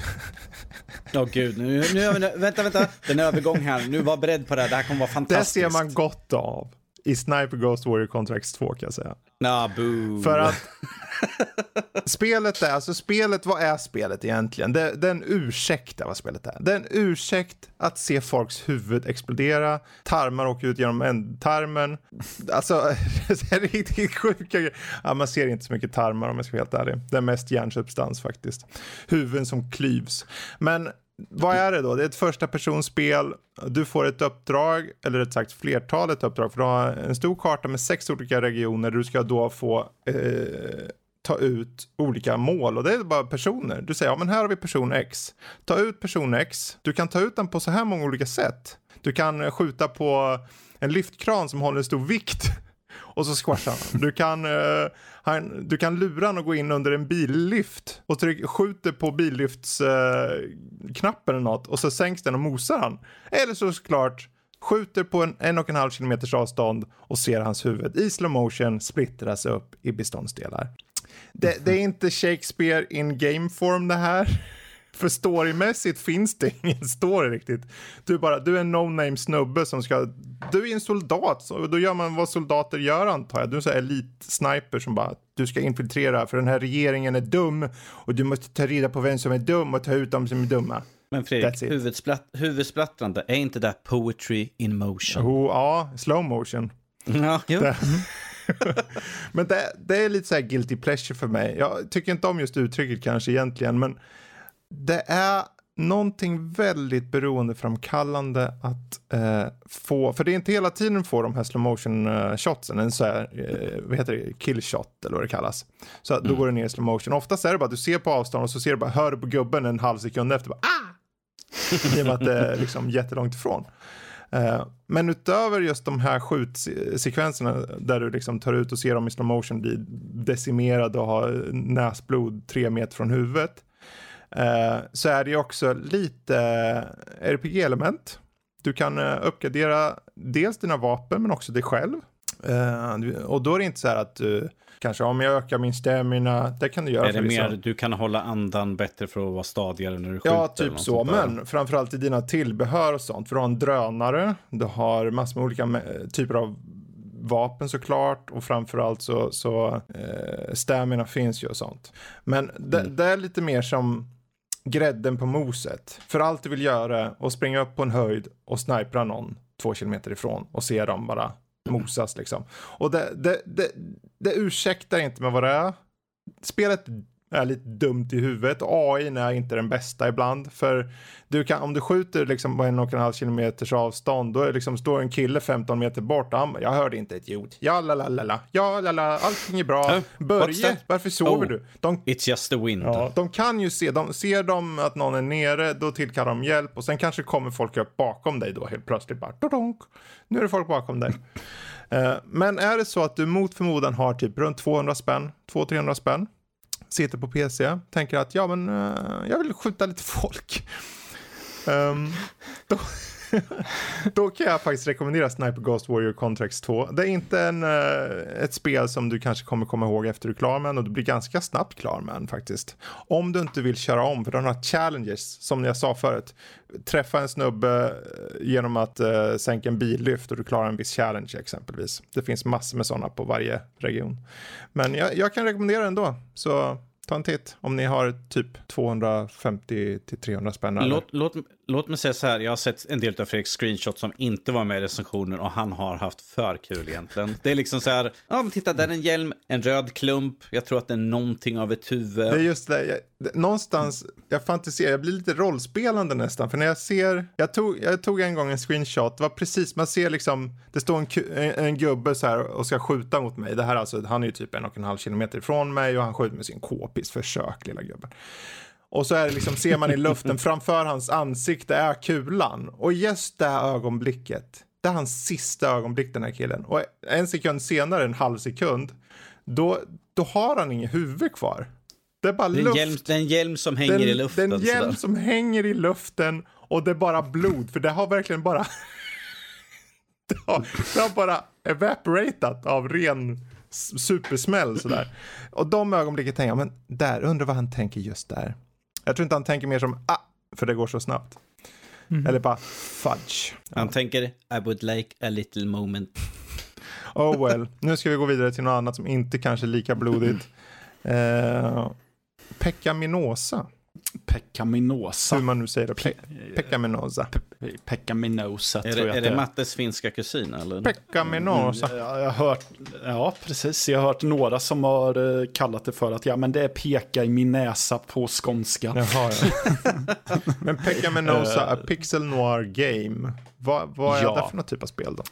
Det är ett noir-spel med pixelgrafik. Skål på den. ja, nej men man spelar som någon ehm, eh, privatdetektiv som röker i sömnen och eh, dricker eh, whisky konstant. Mm. Eh, som i den här världen heter Mac Daniels istället för Jack Daniels. Oh. Eh, Lite lökigt. Eh, ja, okay. Det är väldigt mycket sånt här. um, och um, man blir hemsökt av en, um, av en gammal gangster som heter Charlie Two Angels. Okej, okay. ja. varför inte? Mm. För att han har den maffiaboss som har två stycken buffliga snubbar mm. som tydligen är hans änglar. Eh, han är död, därför så att man blir hemsökt. Mm. Det här är hans spöke och han tycker inte att vi eh, som huvudkaraktären förde honom till rättvisa ordentligt, utan man bara sköt honom kallblodigt och då tycker han att ja, som, då tycker jag att du ska driva ut min hem, då döda mina eh, rivaler. Mm. Så.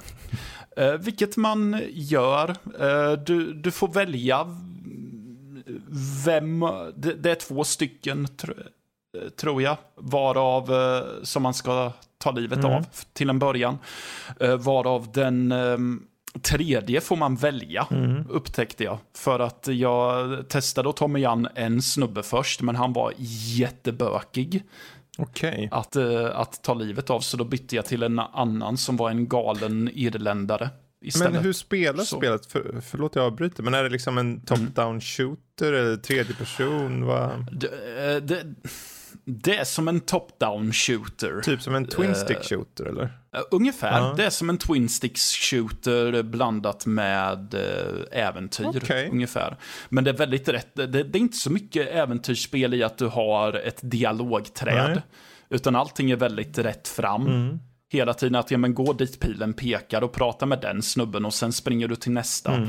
Eh, Det som du kan göra är ju, det är ju lite rollspelselement på så sätt att du, du samlar ju på dig skill points Mm. som du får fördela. Eh, Om du vill öka på din, eh, så att du får mer hälsa, så att du blir mer starkare eller att du kan undvika pistolkulor Mm. mycket enklare. Um, och det, du får några dialogval att göra och det är mer att vill du vara lite mer hotfull eller vill du vara lite mer eh, karismatisk här. Som, eh, ja, och nu har jag inget exempel på det, men den, de har ju verkligen embraceat den här film noir-lingot. Att man säger så här, jag har en kompis som heter Mr. Colt 47 som gärna vill hälsa på dig. eller, eller typ, vem är du? Ah, jag är mannen som kommer göra så att din eh, tandräkning kommer vara en mil lång eller något sånt. Ja, alltså det jag ser av spelet rent Mm. Ja. utseendemässigt ser ju väldigt unikt ut sådär. Det känns som, Det- det... det är som att de vill ha den där retrokänslan fast de för in lite nya moderna spelelement eller något. Eh, Ja, precis. De vill vara lite arkadiga, men de vill vara lite äh, rolls... De vill vara lite djupa också, känns det som. Ehm, dock vet jag väl inte riktigt om jag tycker att... eh, jag vet inte om jag tycker att det ros hem hela vägen. Så det här är inte För- årets spel alltså? Nej, det, jag tycker nog inte det. Nej. För jag tror... Alltså på ett sätt kan, det vara, kan jag uppskatta att spelet är väldigt rätt Ja.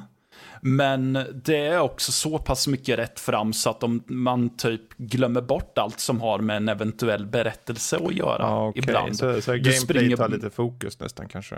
Eh, Ja, men lite så. Du eh, resonerar inte direkt vad, över varför du gör saker. Så jag funderade nästan på om man kanske skulle ha skippat all, alla dialogsekvenser och i stort sett bara skickat iväg en snubbe att eh, döda folk i den ordningen som vart given. Så.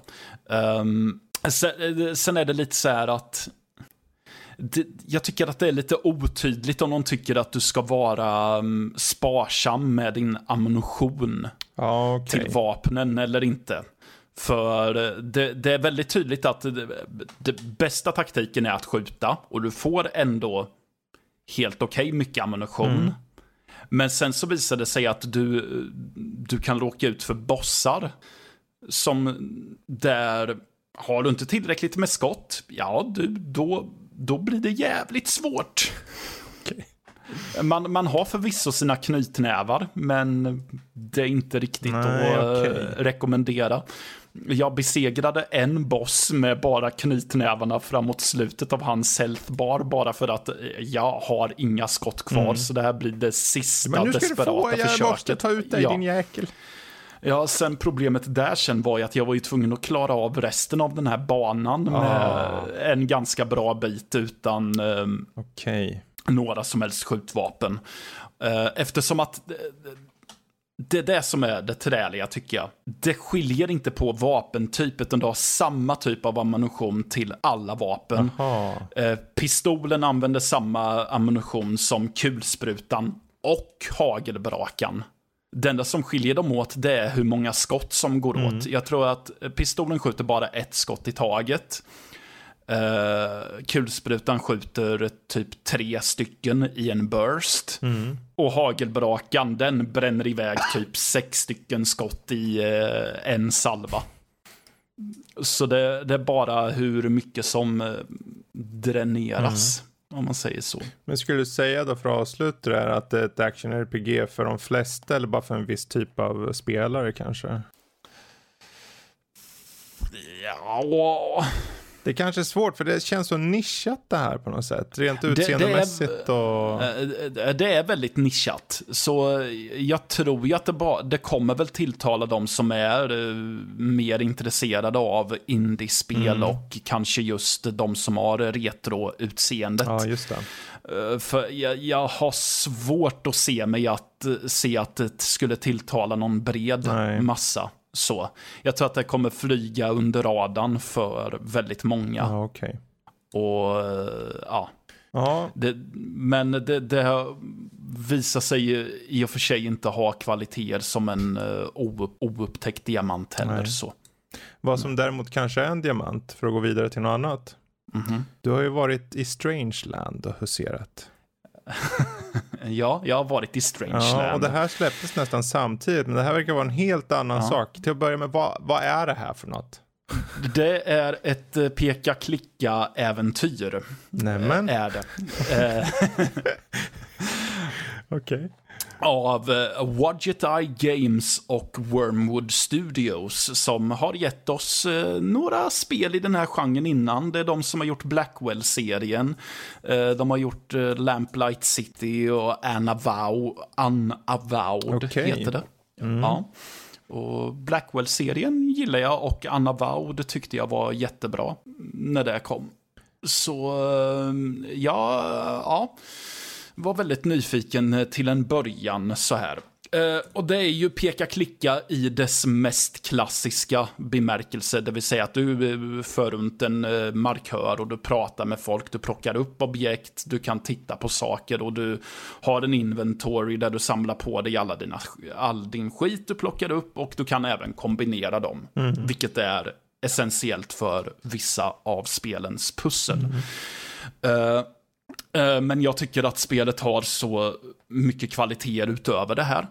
Eh, Dels så är det ju utseendet, tycker jag. Alltså, det, det ser ut som eh, varenda, varenda scen i spelet är en surrealistisk mardröm. Alltså, det, du besöker en karneval ifrån helvetet, i stort sett. Eller en nöjespark ifrån helvetet. För det, det är lite det, den estetiken de har.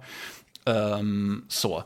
Vi spelar ju som en anonym främling som vaknar upp i det här Strangeland som är i en void av bara oändliga, ett oändligt himlavalv bara. Eh, så, och det eh, rör sig i konstiga former och eh, vinklar. Ehm, och han besöker då den här cirkusen, eller karnevalen, från helvetet. Och där är det en tjej som hoppar och tar livet av sig i en brunn. Hoppa, det börjar eh, starkt här hör jag. Ja, precis. Eller ja, det första som gör är att man möter ett stort clownhuvud som eh, säger att han inte har lust att berätta ett skämt för dig. Okej. Ja. Eh, Men, inte alls creepy. Ja, men han berättar ett skämt i alla fall. Som är väldigt så här... Det, det är väl ordvitsar, men de är också väldigt långsökta. Så ibland blir jag lite så här, äh, okej. Jättekonstigt. Och, du går, och hans mun är ju då entrén till den här cirkusen som du går in igenom då. Som sig bör. Och där inne ser du en tjej hoppa ner i en brunn. Okej. Ja. Och då beslutade han sig för att han, det, han känner en dragningskraft i den här tjejen. Så han vill ju ta reda på vem det är. Och få reda på av en talande korp att eh, du, du får möjlighet att eh, ta reda på det här. För döden beter sig lite märkligare på, det här, på den här platsen. Det vill säga att du kan dö i spelet. Men du vaknar alltid upp på samma punkt som du gjorde i början och behöver besöka cirkusen igen och få ett nytt skämt draget av clownansiktet. Okej. Ja, Hur många men- skämt har du fått höra, Matte? Då? Eh, jag fick en achievement som var att uh, clownen bara säger jag har inget mer att tala om för dig. Du tröttade ut han helt det, det enkelt. vill säga att jag, jag hörde clownens alla, ans, alla skämt. Ehm, för att... det- Ja, eh, men och jag gillar hur de har designat pusslen väldigt mycket. För det är väldigt mycket, de jobbar jättemycket med metafor, metaforer och eh, symbolik. Gör de, så det är ju väldigt mycket som är inbakat i eh, dialogen. Eh, de är även lite hjälpsamma på så sätt att du har en hintfunktion i form av att det finns en telefonautomat. Mm. Ringer du nummer noll så får du prata med en röst som ger dig ledtrådar om vad du bör göra härnäst. Eh, men det, är också, det, det, har också den goda smaken att när det märker att du kanske inte har kommit någon vart så kan en eh, NPC kasta ur sig en ledtråd helt plötsligt. Som vid ett tillfälle vet jag att det var att jag behövde göra någonting med eld. Men jag visste inte riktigt vad jag skulle göra och då vid ett tillfälle så säger den här korpen jag nämnde tidigare säger FIRE! Vid ett tillfälle, okay. bara så. så. För att liksom ja, men putta dig mm. lite subtilt i rätt riktning. De ger dig inte lösningen i ditt knä så, utan det är mer, ja men lite, en, en liten subtil uh, hint mm. för att få ditt, dina kugghjul att snurra mer. Och jag tycker att det är väldigt jag tycker att det är att göra det på helt rätt sätt. Ja, för spelet ser ju så, så. alltså det är ju det här unika utseendet. Jag tittar på det här ja. och det ser lite ut som någon form av, eh, det ser nästan ut som HR mm. Geiger varit där och petat lite grann till ja, och med. Um... exakt. Det har ju också ett, det, den har ju en tematik av väldigt mycket mental hälsa. Mm. Så det är väldigt mycket typ depression, det är lite självmord inne där och även lite självskadegrejer. Mm. Så. Um, och jag vet inte riktigt vad det gör, men jag knyter an väldigt mycket till eh, huvudkaraktären och hans situation. Så den här psykologiska skräcken som de har förklätt alla de här grejerna mm. i kryper ändå lite in på skinn, under skinnet på mig och påverkar mig en hel del och känner att shit, det här är ganska obehagligt ändå. Mm. Och du, du möter karaktärer som har så fruktansvärt tragiska öden mm. också. Uh, vilket är så, uh, ja, jag kom på mig själv med att jag tänkte väldigt mycket på spelet under tiden jag recenserade mm. det. Och det har stannat kvar hos mig även efteråt med. Ja. Så. Um, det är föredömligt kort, kan man väl säga. Det är ganska kort mm. i alla fall. Snackar vi Men ett par sen, timmar, fyra timmar, sex timmar? Fem, sex ja. timmar klarade jag det på. Men sen hänger det också på hur länge du kör fast vid sant, pusslen också. Sant. Så, Så 20 det, timmar för mig. Det, ja, de, den har väl ett eller två pussel där det är, väl, det är ganska långsökt. Ja, okay. Så framförallt ett pussel var, där eh, körde jag fast ordentligt och kände, ja, men jag, jag fattar ingenting. Mm. Sen efter mycket om och men så tänkte jag, men kan de möjligen mena det här? Och så visade det sig att ja, det där var ju inte uppenbart. Lite långsökt. Okay. Mm. Men mm. Eh, det här spelet, det känns som att om du nu kryper under skinnet, jag tror det kanske, det kommer nog göra det, bara utifrån utseendet så tror jag det gör det på nästan alla, kan jag tänka mig. Ja, Um, jag, jag, tror det. Det är så väldigt starkt bildspråk ja. i det. Och det är så väldigt stark symbolik Precis. generellt. Tycker jag. Men det är så. en rekommendation i alla fall, uppenbarligen. Det är det definitivt. Mm. Det är nog, eh, det toppar min uh, Goti-lista än så länge.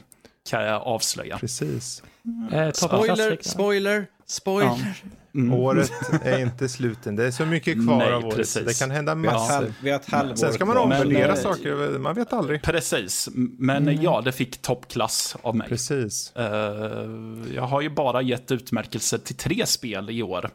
Kan, mm. jag ju, kan jag ju skryta om. Men alla de tre har ju förvisso varit toppklass. Ja. Så. Mm. ja, det är bra att vi är djupa här. och och ta de här spelen som verkligen tar upp eh, de tuffa ämnena. Och från mm. ett sådant till ett annat. Mighty Goose. Danny. Yes. Det här väldigt, väldigt eh, genomtänkta spelet, vad handlar det om? Du ska skjuta allt du rör på dig. Alltså allt som rör sig. Mm. Det, är, det, det, det är egentligen storyn, egentligen spelet. Det, det, det, det, har en storyline men det är totalt oväsentligt. För spelet går egentligen ut, du är en tokig gås med, en, med vapen i hand, eller binge, kanske mer korrekt. Och du ska bara springa igenom och skjuta skiten och allting. Mm. Det är explosivt, det är idiotiskt, det är helt knasigt. Uh, Alltså det är, det är lite bonkers och det är väldigt frustrerande ibland när det inte går så bra för en när man spelar. Um, det är ju, spelet består av nio, nio planeter tror jag det är. Mm. Eller nio, nio ställen som man ska ta sig igenom. Där du som en gås med medhjälpare som du kan hitta och låsa upp på banorna ska liksom bara skjuta Den första medhjälparen man får är ja. en anka va? Ja, en anka som, med som någon väska ut, på över ryggen. Som skjuter ut ägg. Ja. Ur arslet. Ja, Såklart. eller vart tusan det kommer ifrån. Mm. Oh, jösses. Och, och ens, den första liksom, eh, specialsaken man har är att man kan gå omkring och säga Quack. Ja, precis. Och det, gör, det står till och med liksom, det är ett kvackande, men det gör absolut ingenting. Man bara, så varför har jag den för? Um, men senare när man kör igenom banorna så, låsa, så man hittar en, en, en snubbe som jobbar i Armored senare som gör att när du klarar av banan så låser du upp nya, mm. nya förmågor. Eh, du kan som sagt hitta nya medhjälpare och du kan ha som en energimätare. Eh, du låser upp olika förmågor som till exempel att din gåhastighet har ökat. Du, det kräver 20 stycken i energimätaren. Eller att uh, jag försöker komma på vad de andra var för någonting. Uh, men det är alltså liknande sådana saker. Och man får ju liksom välja. Det är inte att du kan slå igång alla grejer som finns, men att du måste liksom göra val så att de har olika mm. eh, mängd energi som det drar. Precis. Eh, och du har ju senare, när, när du skjuter och mosar som mest, så kan du slå igång en specialattack mer eller mindre, där du går i overkill mode. Mm. Och du, du tar mer eller mindre ingen skada överhuvudtaget och du skjuter som en galning. Super Goose-läget. Supergoose-läget, precis. Och det är också några saker man kan göra att uh, man kan slå igång på den här energimätaren att supergoose-läget håller på längre mm. eller att när du dodgar uh, så kan du gå din mätare upp snabbare. Precis. Ja, för den här, det är en sån här fast pace run and gun shooter och det har det här, det är pixelerad uh, retrografik fast det är lite, jag får nästan lite bullet hell-vibbar ibland när det är så mm. mycket på skärmen. Det är väl en av nackdelarna känner jag, att det blir lite för mycket ibland. Jag har, um, jag har säkert screenshots som jag tagit som är liksom bara explosioner. Jag har ingen aning vart jag är på skärmen. Det är liksom, jag tror att jag är där. Det finns bara en gås på skärmen, det är du. Ja. ja. nej alltså ibland kan det vara så mycket. Mm. Det är liksom saker som kryper på marken, det är eh, karaktärer som kommer inspringande från båda sidor av skärmen, eller folk som liksom åker Precis. ner eh, med fallskärmar.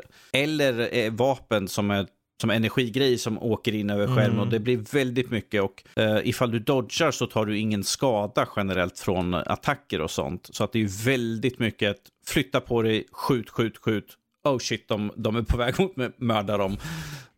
Liksom det, och plus att man kan plocka upp, uh, det finns en medhjälpare som släpper kulsprutor. Mm. Uh, släpper ut dem lite till och från så att det får man en liten fördel att kunna plocka upp. Du kan plocka upp kulsprutor, du kan plocka upp hagelbrakare och du kan plocka upp någon sån här uh, elektriskt vapen. Ja. Som man, ifall man träffar, ifall man träffar en snubbe så sprider det sig vidare. Och raketer, precis. precis. Den är nog värst för då ser man absolut ja, ingenting när det bara exploderar. Allt, sprängs bara. Allt, det är bara allt så mycket runt omkring bomber där. Ja, jösses. Äh, inte, inte jättelångt, men kan ibland vara... För jag märkte, för jag, Fredrik jag satt och pratade mm. om det här i natt och han nämnde en bana och jag sa liksom, åh, jag hade sånt problem, det var så frustrerande. Fredrik bara, jag tog det på första försöket. Jag bara, Din. Och sen nämnde jag, det finns en arena som är en av de, en, en mm. bana i mitten och, och Fredrik han bara, jag tog, det tog så jävla lång tid. Jag bara, jag tog den på andra Precis. försöket. Liksom. Det, det är ju väldigt upp och ner där, för att det, allt är ju beroende på vad har du plockat på dig för någonting och hur mycket tur har du den, den här omgången. Ja. Kanske dodgar precis i rätt tillfälle och inte blir en Bara man en är fokuserad så kommer det ju gå ganska lätt. Det är ju inte ett supersvårt spel egentligen. Det är bara att mosa skiten ur allt som rör på sig på skärmen. Så länge du ser mm. vart tusan du är så går det väl okej. Okay. Det är väl lite med det här styrningen kanske med att uh, gåsen skjuter ju. Du, du siktar ju med samma knapp som du går, är det inte så? Yes, trycker du framåt så rör sig ankan framåt och det är åt det hållet du skjuter. Mm. Men problemet är liksom att ifall det kommer karaktärer bakom mig och jag försöker trycka bakåt för att skjuta dem snabbt så är det liksom så att när han fortsätter skjuta framåt så man måste liksom trycka en gång mm. till för att han ska registrera att du ska åt andra hållet. sitter i kanske animationen för att skjuta åt det här hållet eller något sånt. Ja. uh, ibland, vanligtvis har det blivit att jag får vänta på att uh, fienden kommer in en bit skärm så jag kan uh, rolla mm. förbi dem och liksom skjuta dem så att han skjuter åt rätt håll så att säga. För han verkar ha en dragning att skjuta till höger mm. hela tiden. För det är ju där man rör sig. Det är lite, lite kontra liksom, man rör sig hela tiden Precis. åt ett håll ju. Ja, det är ett äh, litet arkadigt skjuta på allting. Med, fast det finns lite utmaning i det om man vill ha det. Mm. Definitivt. Um, bra. Jag tänker vi kan hoppa tillbaka till den gode Jesper här. För jag är nyfiken på Edge of Eternity. Ja. För, det är, vad är det? Uh, vad är det? Det är ett indie-utvecklat uh, JRPG typ kan man säga. För det är ju det är inspirerat av eh, japanska rollspel. Det är ju franskutvecklat. Ja, det är franskutvecklat. Eh, Okej. Okay. Eh, japp. Eh, och eh, det som är unikt med det är att de har eh, hyrt in den legendariska kompositören Yasunori Mitsuda. Okay. kompositören bakom bland annat Chrono Trigger, Final Fantasy 15 och Xenoblade mm. Chronicles. Så musiken är bra i alla fall? Musiken är riktigt nice, men eh, sen faller det lite platt på vissa andra ah, saker. Okay. Eh, berättelsen har en intressant grundpremiss.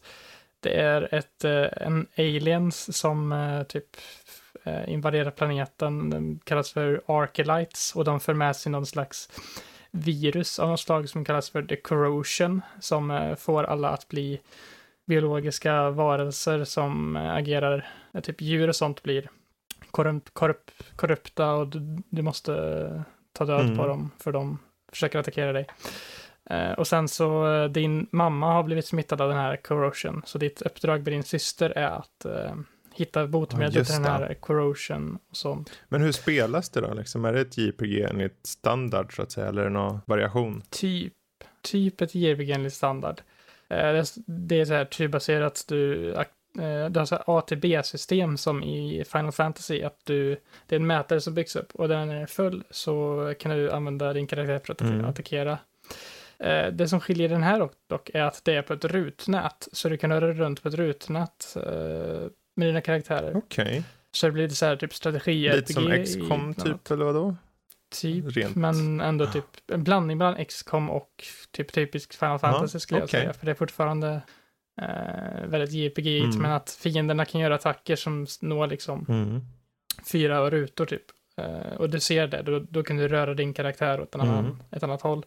Och detsamma gäller för dina egna attacker. Eh, om du använder eh, så här, eh, vissa spells till exempel, eh, som tar längre till att kanalisera, mm. så kan de nå också flera rutor. Men eh, de kan även bli avbry avbrutna för de blir liksom en röd mätare som byggs upp, ATP-mätare. Mm.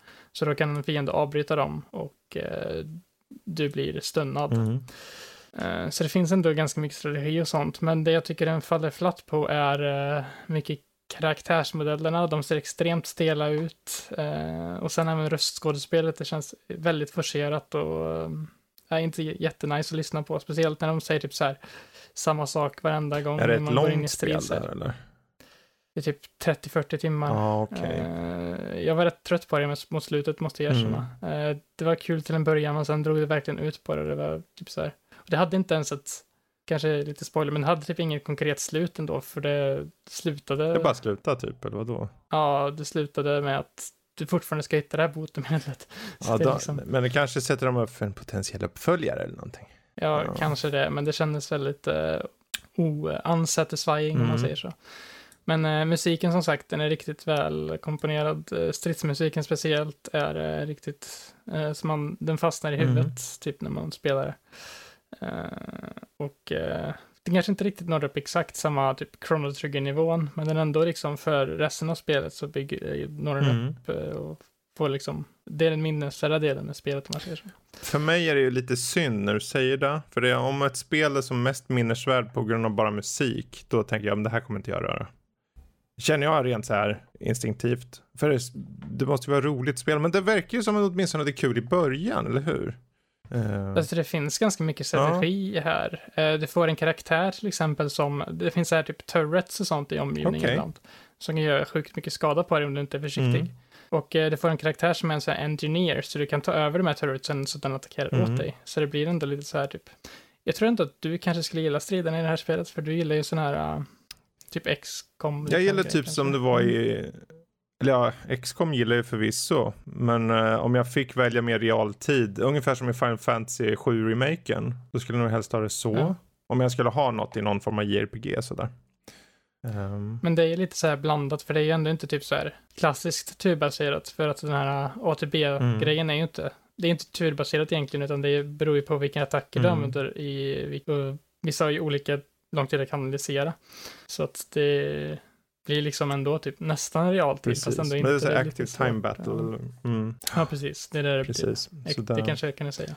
Um, ja. ja. men oavsett, jag tänker det här, det, jag ser nu, det kostar ju inte hur mycket som helst. Det kostar bara typ 300 spänn. Så om man mot förmodan ändå tycker att det låter intressant och uppenbarligen har det ju bra musik så kanske det är värt att ta en titt på det i alla fall. Uh, det finns på Steam bland annat. Jag vet inte om du, jag kommer inte ihåg om du körde det... på någon annan plattform.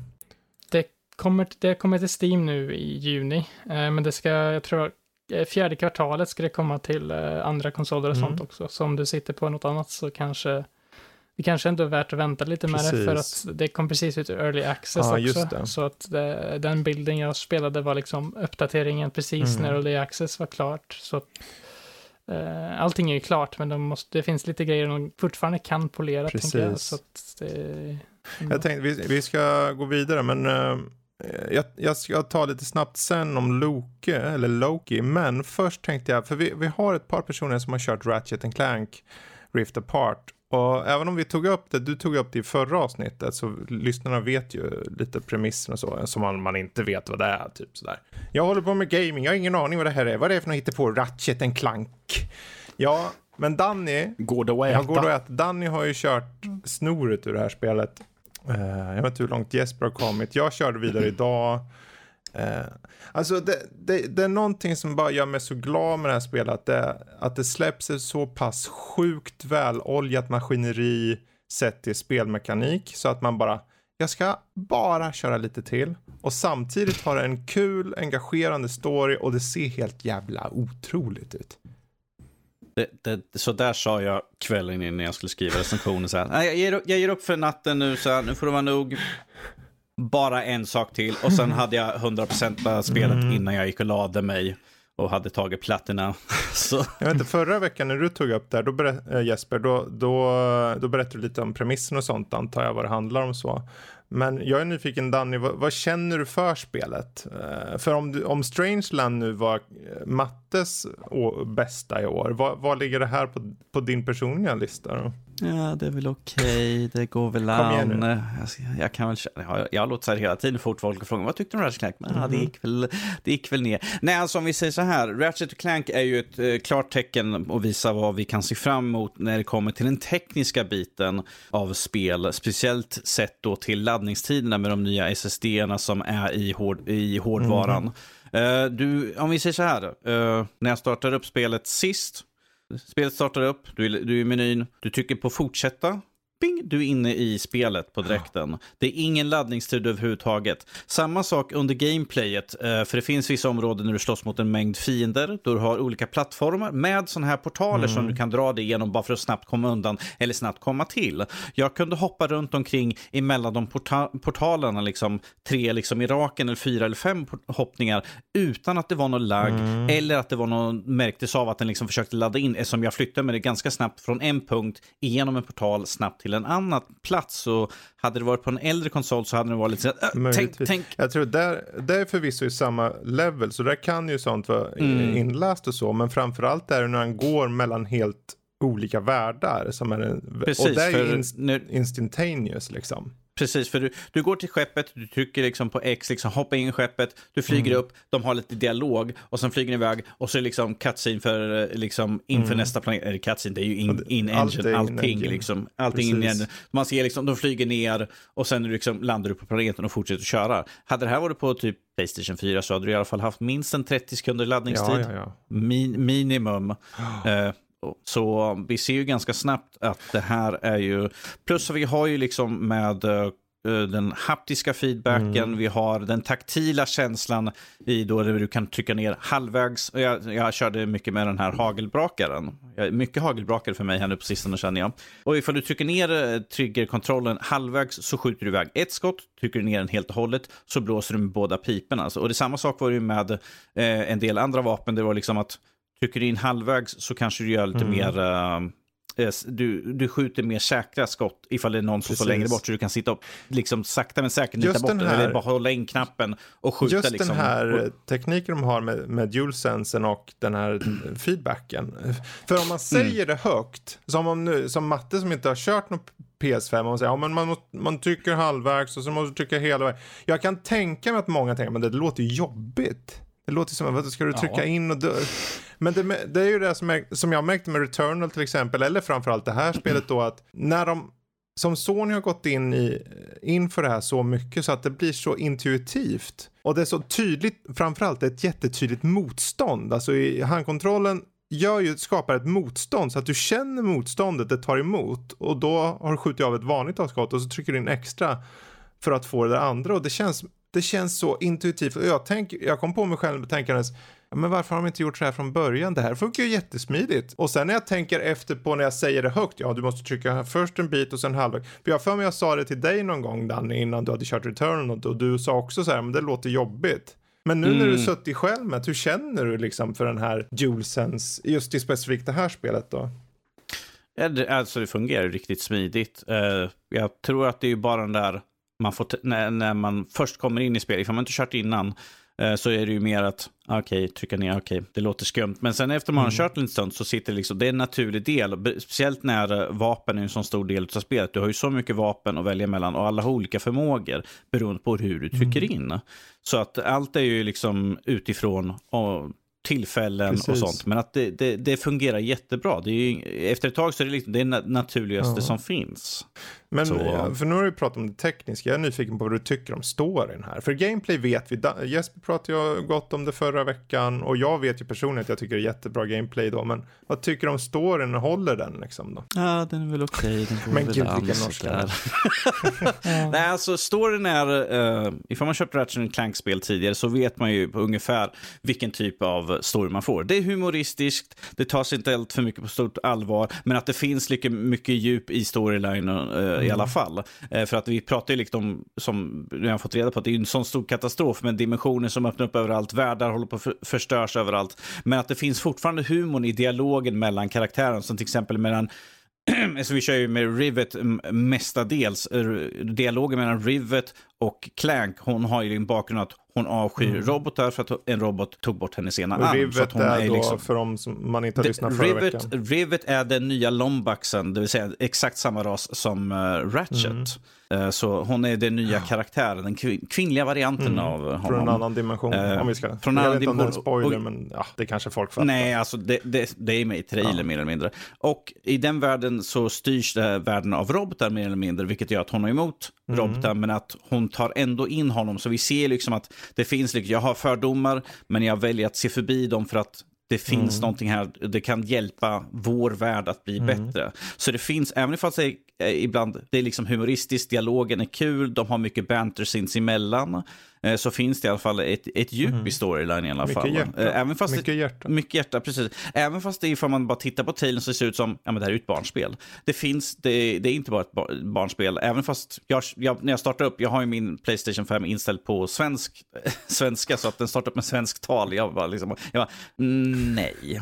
Jag, är, jag vill ha på engelska, jag vill ha de röster uh -huh. som var tänkt för spelet, inte liksom de svenska rösterna. Även om de gjort ett bra jobb, men jag vill ha original. Så att du kan, det kan ju köra med yngre ifall de får hjälp. För att jag tror inte det är lättast kanske att köra igenom. Eh, det, det tar en liten stund ifall man är yngre att lära sig. Det finns ju gott liksom, om svårighetsgrad. Man kanske kan köra det där story mode. Jesper? Uh, det finns ju så här, jag tänkte säga det. Uh, story mode, det finns, jag tror det lättaste jag har hört ska vara att man inte kan mm. dö överhuvudtaget. Du, du, kan inte dö i strid. Okej, okay, så man kan dö liksom. Jag tror att ifall du trillar ut från uh, typ ner i vatten mm. eller sådana där saker. Om du rider på en snigel och, och ramlar av mitt i en sjö, då får du börja om. Då blir du mm. troligtvis uppäten av en fisk som jag har blivit några gånger. Jaha, okej. Okay. Yes. Mm. Man blir det. visste inte jag heller. Tro mig, jag har tagit mig runt på kartorna överallt så bara för att kolla vad som finns. Ja. Det är så mitt ämne. Jag tänkte mest att det var kan kul att höra vad du känner för det. Det är ju, eh, som sagt, om ni vill höra mer ingående om det så, så tog ju Jesper upp det i förra avsnittet. Yes, och den, den, om vi, jag, jag kör som en matte, en liten småspoiler. Den här ligger faktiskt, toppar min lista än så länge. Till och med för Resident Evil Village. Mm. Jag tycker säger den ganska mycket. Det jag tycker väldigt mycket om Resident Evil också. Men jag känner att det här, det här har en sån större bredd än till exempel Resident Evil har. Ja. Ah, Ratchet and Clank, Men- eh, Rift Apart. Eh, har ni en PS5 så köp den. Är väl egentligen. Har ni, inte, har ni inte en PS5, köp in Ratchet Clank och vänta på att köpa in PS5. Vad som däremot. Vad som däremot, nu gör jag en liten övergång här. Vad som däremot kan Ja. vara rakt av också ett rent av köp. Det är eh, att man tar och betalar för Disney+. Plus. För eh, Loki som precis har börjat är nog den starkaste starten jag varit med om i någon av de här serierna och egentligen en, eh, en jag kommer inte spoila något så sett i berättelsen. Det finns inte mycket att spoila heller egentligen för att Det är två Det är avsnitt två ute avsnitt bara än så ute. länge. Eh, Den tar ju vid där egentligen där man lämnade Loki i, för om ni har sett, nu- för de som inte har sett en Endgame så, så är det ju så att de behöver göra vissa saker som har med tid att göra. Och eh, då sker ju en viss sak att den gamla Loki, alltså den som var med i Avengers, eh, han kommer över en så kallad, eh, vad heter den? Eh, Cosmic Cube eller Fabian den heter, jag kommer inte ihåg vad den heter. Och eh, försvinner bara. Och det är allt man vet, liksom sett från filmen då. Och här tar man ju då vid då. Eh, det som sker med honom. Han transporteras nämligen till en helt annan värld. Eh, dimper ner på någon planet och kollar sig upp, vad tusan är jag nu då? Var på ett gäng eh, soldater kliver ut ur tomma intet och säger att nu ska du komma med mig med The TVA som är någon form av tidsorganisation som ser efter att tidslinjer inte bryts. Och det som följer nu är att du får följa Loki som eh, tas upp i den här organisationen. Eh, som behöver sätta rätt tidslinjen. Jag säger inte mer, jag försöker hålla det väldigt, det är betydligt mer än så. Eh, och det som är extra intressant tycker jag, att det här är alltså den Loki som är med i Avengers. För det som händer efter det kommer inte skett den här specifika karaktären. Ni måste se filmen Mm. för att veta. Eh, eller ja, egentligen inte.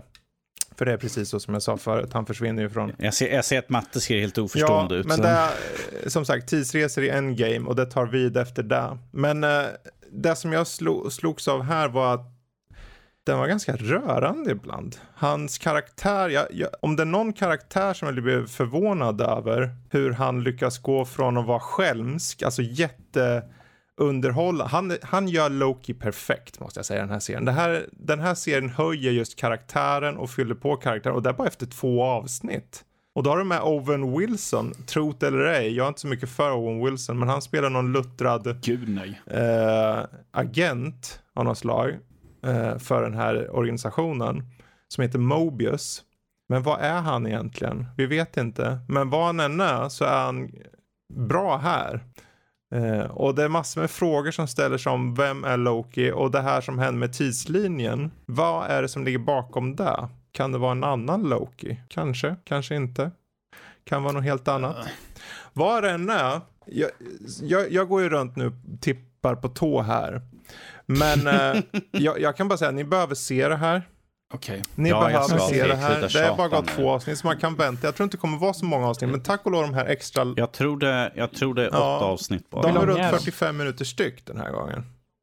Jag är ju alltid väldigt skeptisk när det kommer till berättelser om, tids, om tidsresor. Mm. För jag tycker att det är så väldigt lätt att eh, man skiter ner sig och slår knut på sig vi själv. säger, fokuset Där, är ju där inte... vill säga att man, de trass, för nästan varenda sån berättelse trasslar in sig i Mm. ett eh, jättejobbigt nystan där det känns som att ni vet ju knappt själva, Själva, vad ni själva håller på serien har inget med tidsresor att göra egentligen. Det är bara att organisationen hanterar dem när saker och ting sker Mm. i tidslinjen som de måste göra. Så det är inte som att de, i alla fall, jag har ju bara sett två avsnitt, jag har ingen aning var det tar vägen. Utan det är mer hur, karak- hur hans karaktär hanterar den här situationen som han befinner sig i. Ska han forma sig efter den? Ska han förändra sig så som han... För vi vet ju att han lyckades förändra sig efter Avengers. För Avengers kom ju 2012. Mm. Men den här karaktären vet ju inte det, för det är den Loki från den tiden. Så mm. vi får se att han faktiskt förändras, och det är bara på två avsnitt. Och Hiddleston i huvudrollen är för mig, han, jag älskar hur bra han är här. Och då har jag inte ens sett klart den. Jag hoppas innerligt att den håller hela vägen. Jag hoppas det. Uh, men uh, oavsett, har ni Disney Plus så se det här. Det här är definitivt det är bättre hittills än både WandaVision och framförallt den där, uh, vad heter den, Captain America Winter Soldier, uh, Falcon. Är den bättre än Mandalorian? Det är svårt att säga. Jag har ju sett hela Mandalorian, men jag har inte sett hela Loki. Uh, hittills så, så kan den nog gå on par. Men det, det, det gäller mycket att den, häng, att den håller i sig faktiskt. Jag kanske borde utnyttja att jag har Disney Plus och kolla på någonting. Jag tycker det. Ja, jag tycker det. Men... Jag har inte Disney Plus och jag har inte sett eh, någonting som har med Disney Plus att göra. Har du inte sett någonting som har med, som har med Disney Plus att göra?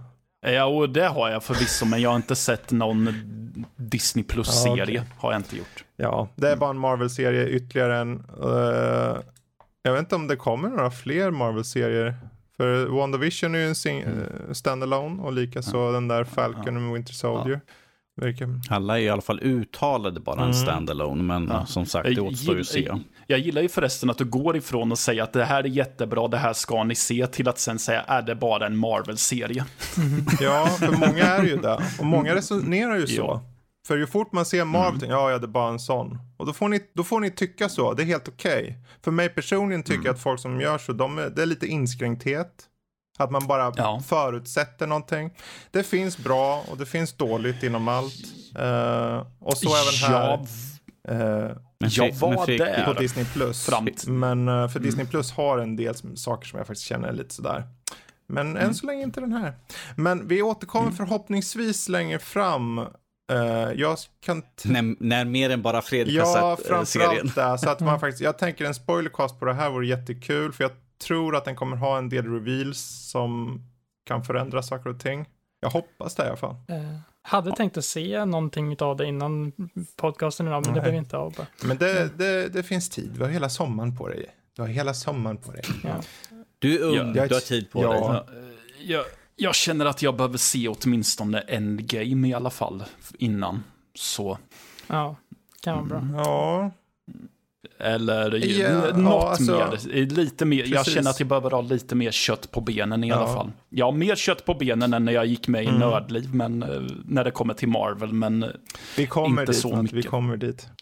Ja. Bra, men vet ni vad? Jag tror, jag, ska, jag tror det är dags att runda av här. Uh, vi har tagit många spel. Vi tog E3 och uh, det är en bra sommar. Det händer mycket. Vi har många spel som ligger... Uh, ja, Jesper? En sak, eh, Discord-frågan. Discord-frågan, perfekt. Vi kan göra det enkelt. Vilken show vann E3? Mm. Eh, jag vet inte vad ni hade tänkt ha för en Discord-fråga förra veckan, för det lades aldrig upp någon. Uh, Men det här får bli, det här får bli frågan istället. Ibland missar saker, det är sånt som händer. Um, så vilken show vann E3? Och det hittar ni ju på Discord. Och Discord, det hittar man på lättast via vår hemsida. Så rakt in på nörli.se och så går du ner en bit ser du ett stort fält. Det är Discord. Tryck på connect, kommer rakt in, bubblar. Finns även en liten snabb länk längre upp om man vill slippa och scrolla en halv centimeter. Mm. Oavsett, är det något annat ni vill få, få tag på så kan ni göra det på sociala medier. Då ät nordliv.se på antingen Facebook, Twitter eller Instagram. Och ja, jag vet inte, det är väl inte mer än så, eller vad säger ni? Att vi kan se att vi har fantastiska år framöver här nu i alla fall. Mm. Precis. Ja. Man kan ju hoppas i alla fall. Man kan ju hoppas. Oh, ja, ja mm. än en gång. Mm. Vinnarna är oss spelare tror jag. Nu är det bara att vänta in skallen Ja men gud, okej. Okay. Ja, med de orden säger vi tack och hej allihopa. hej då.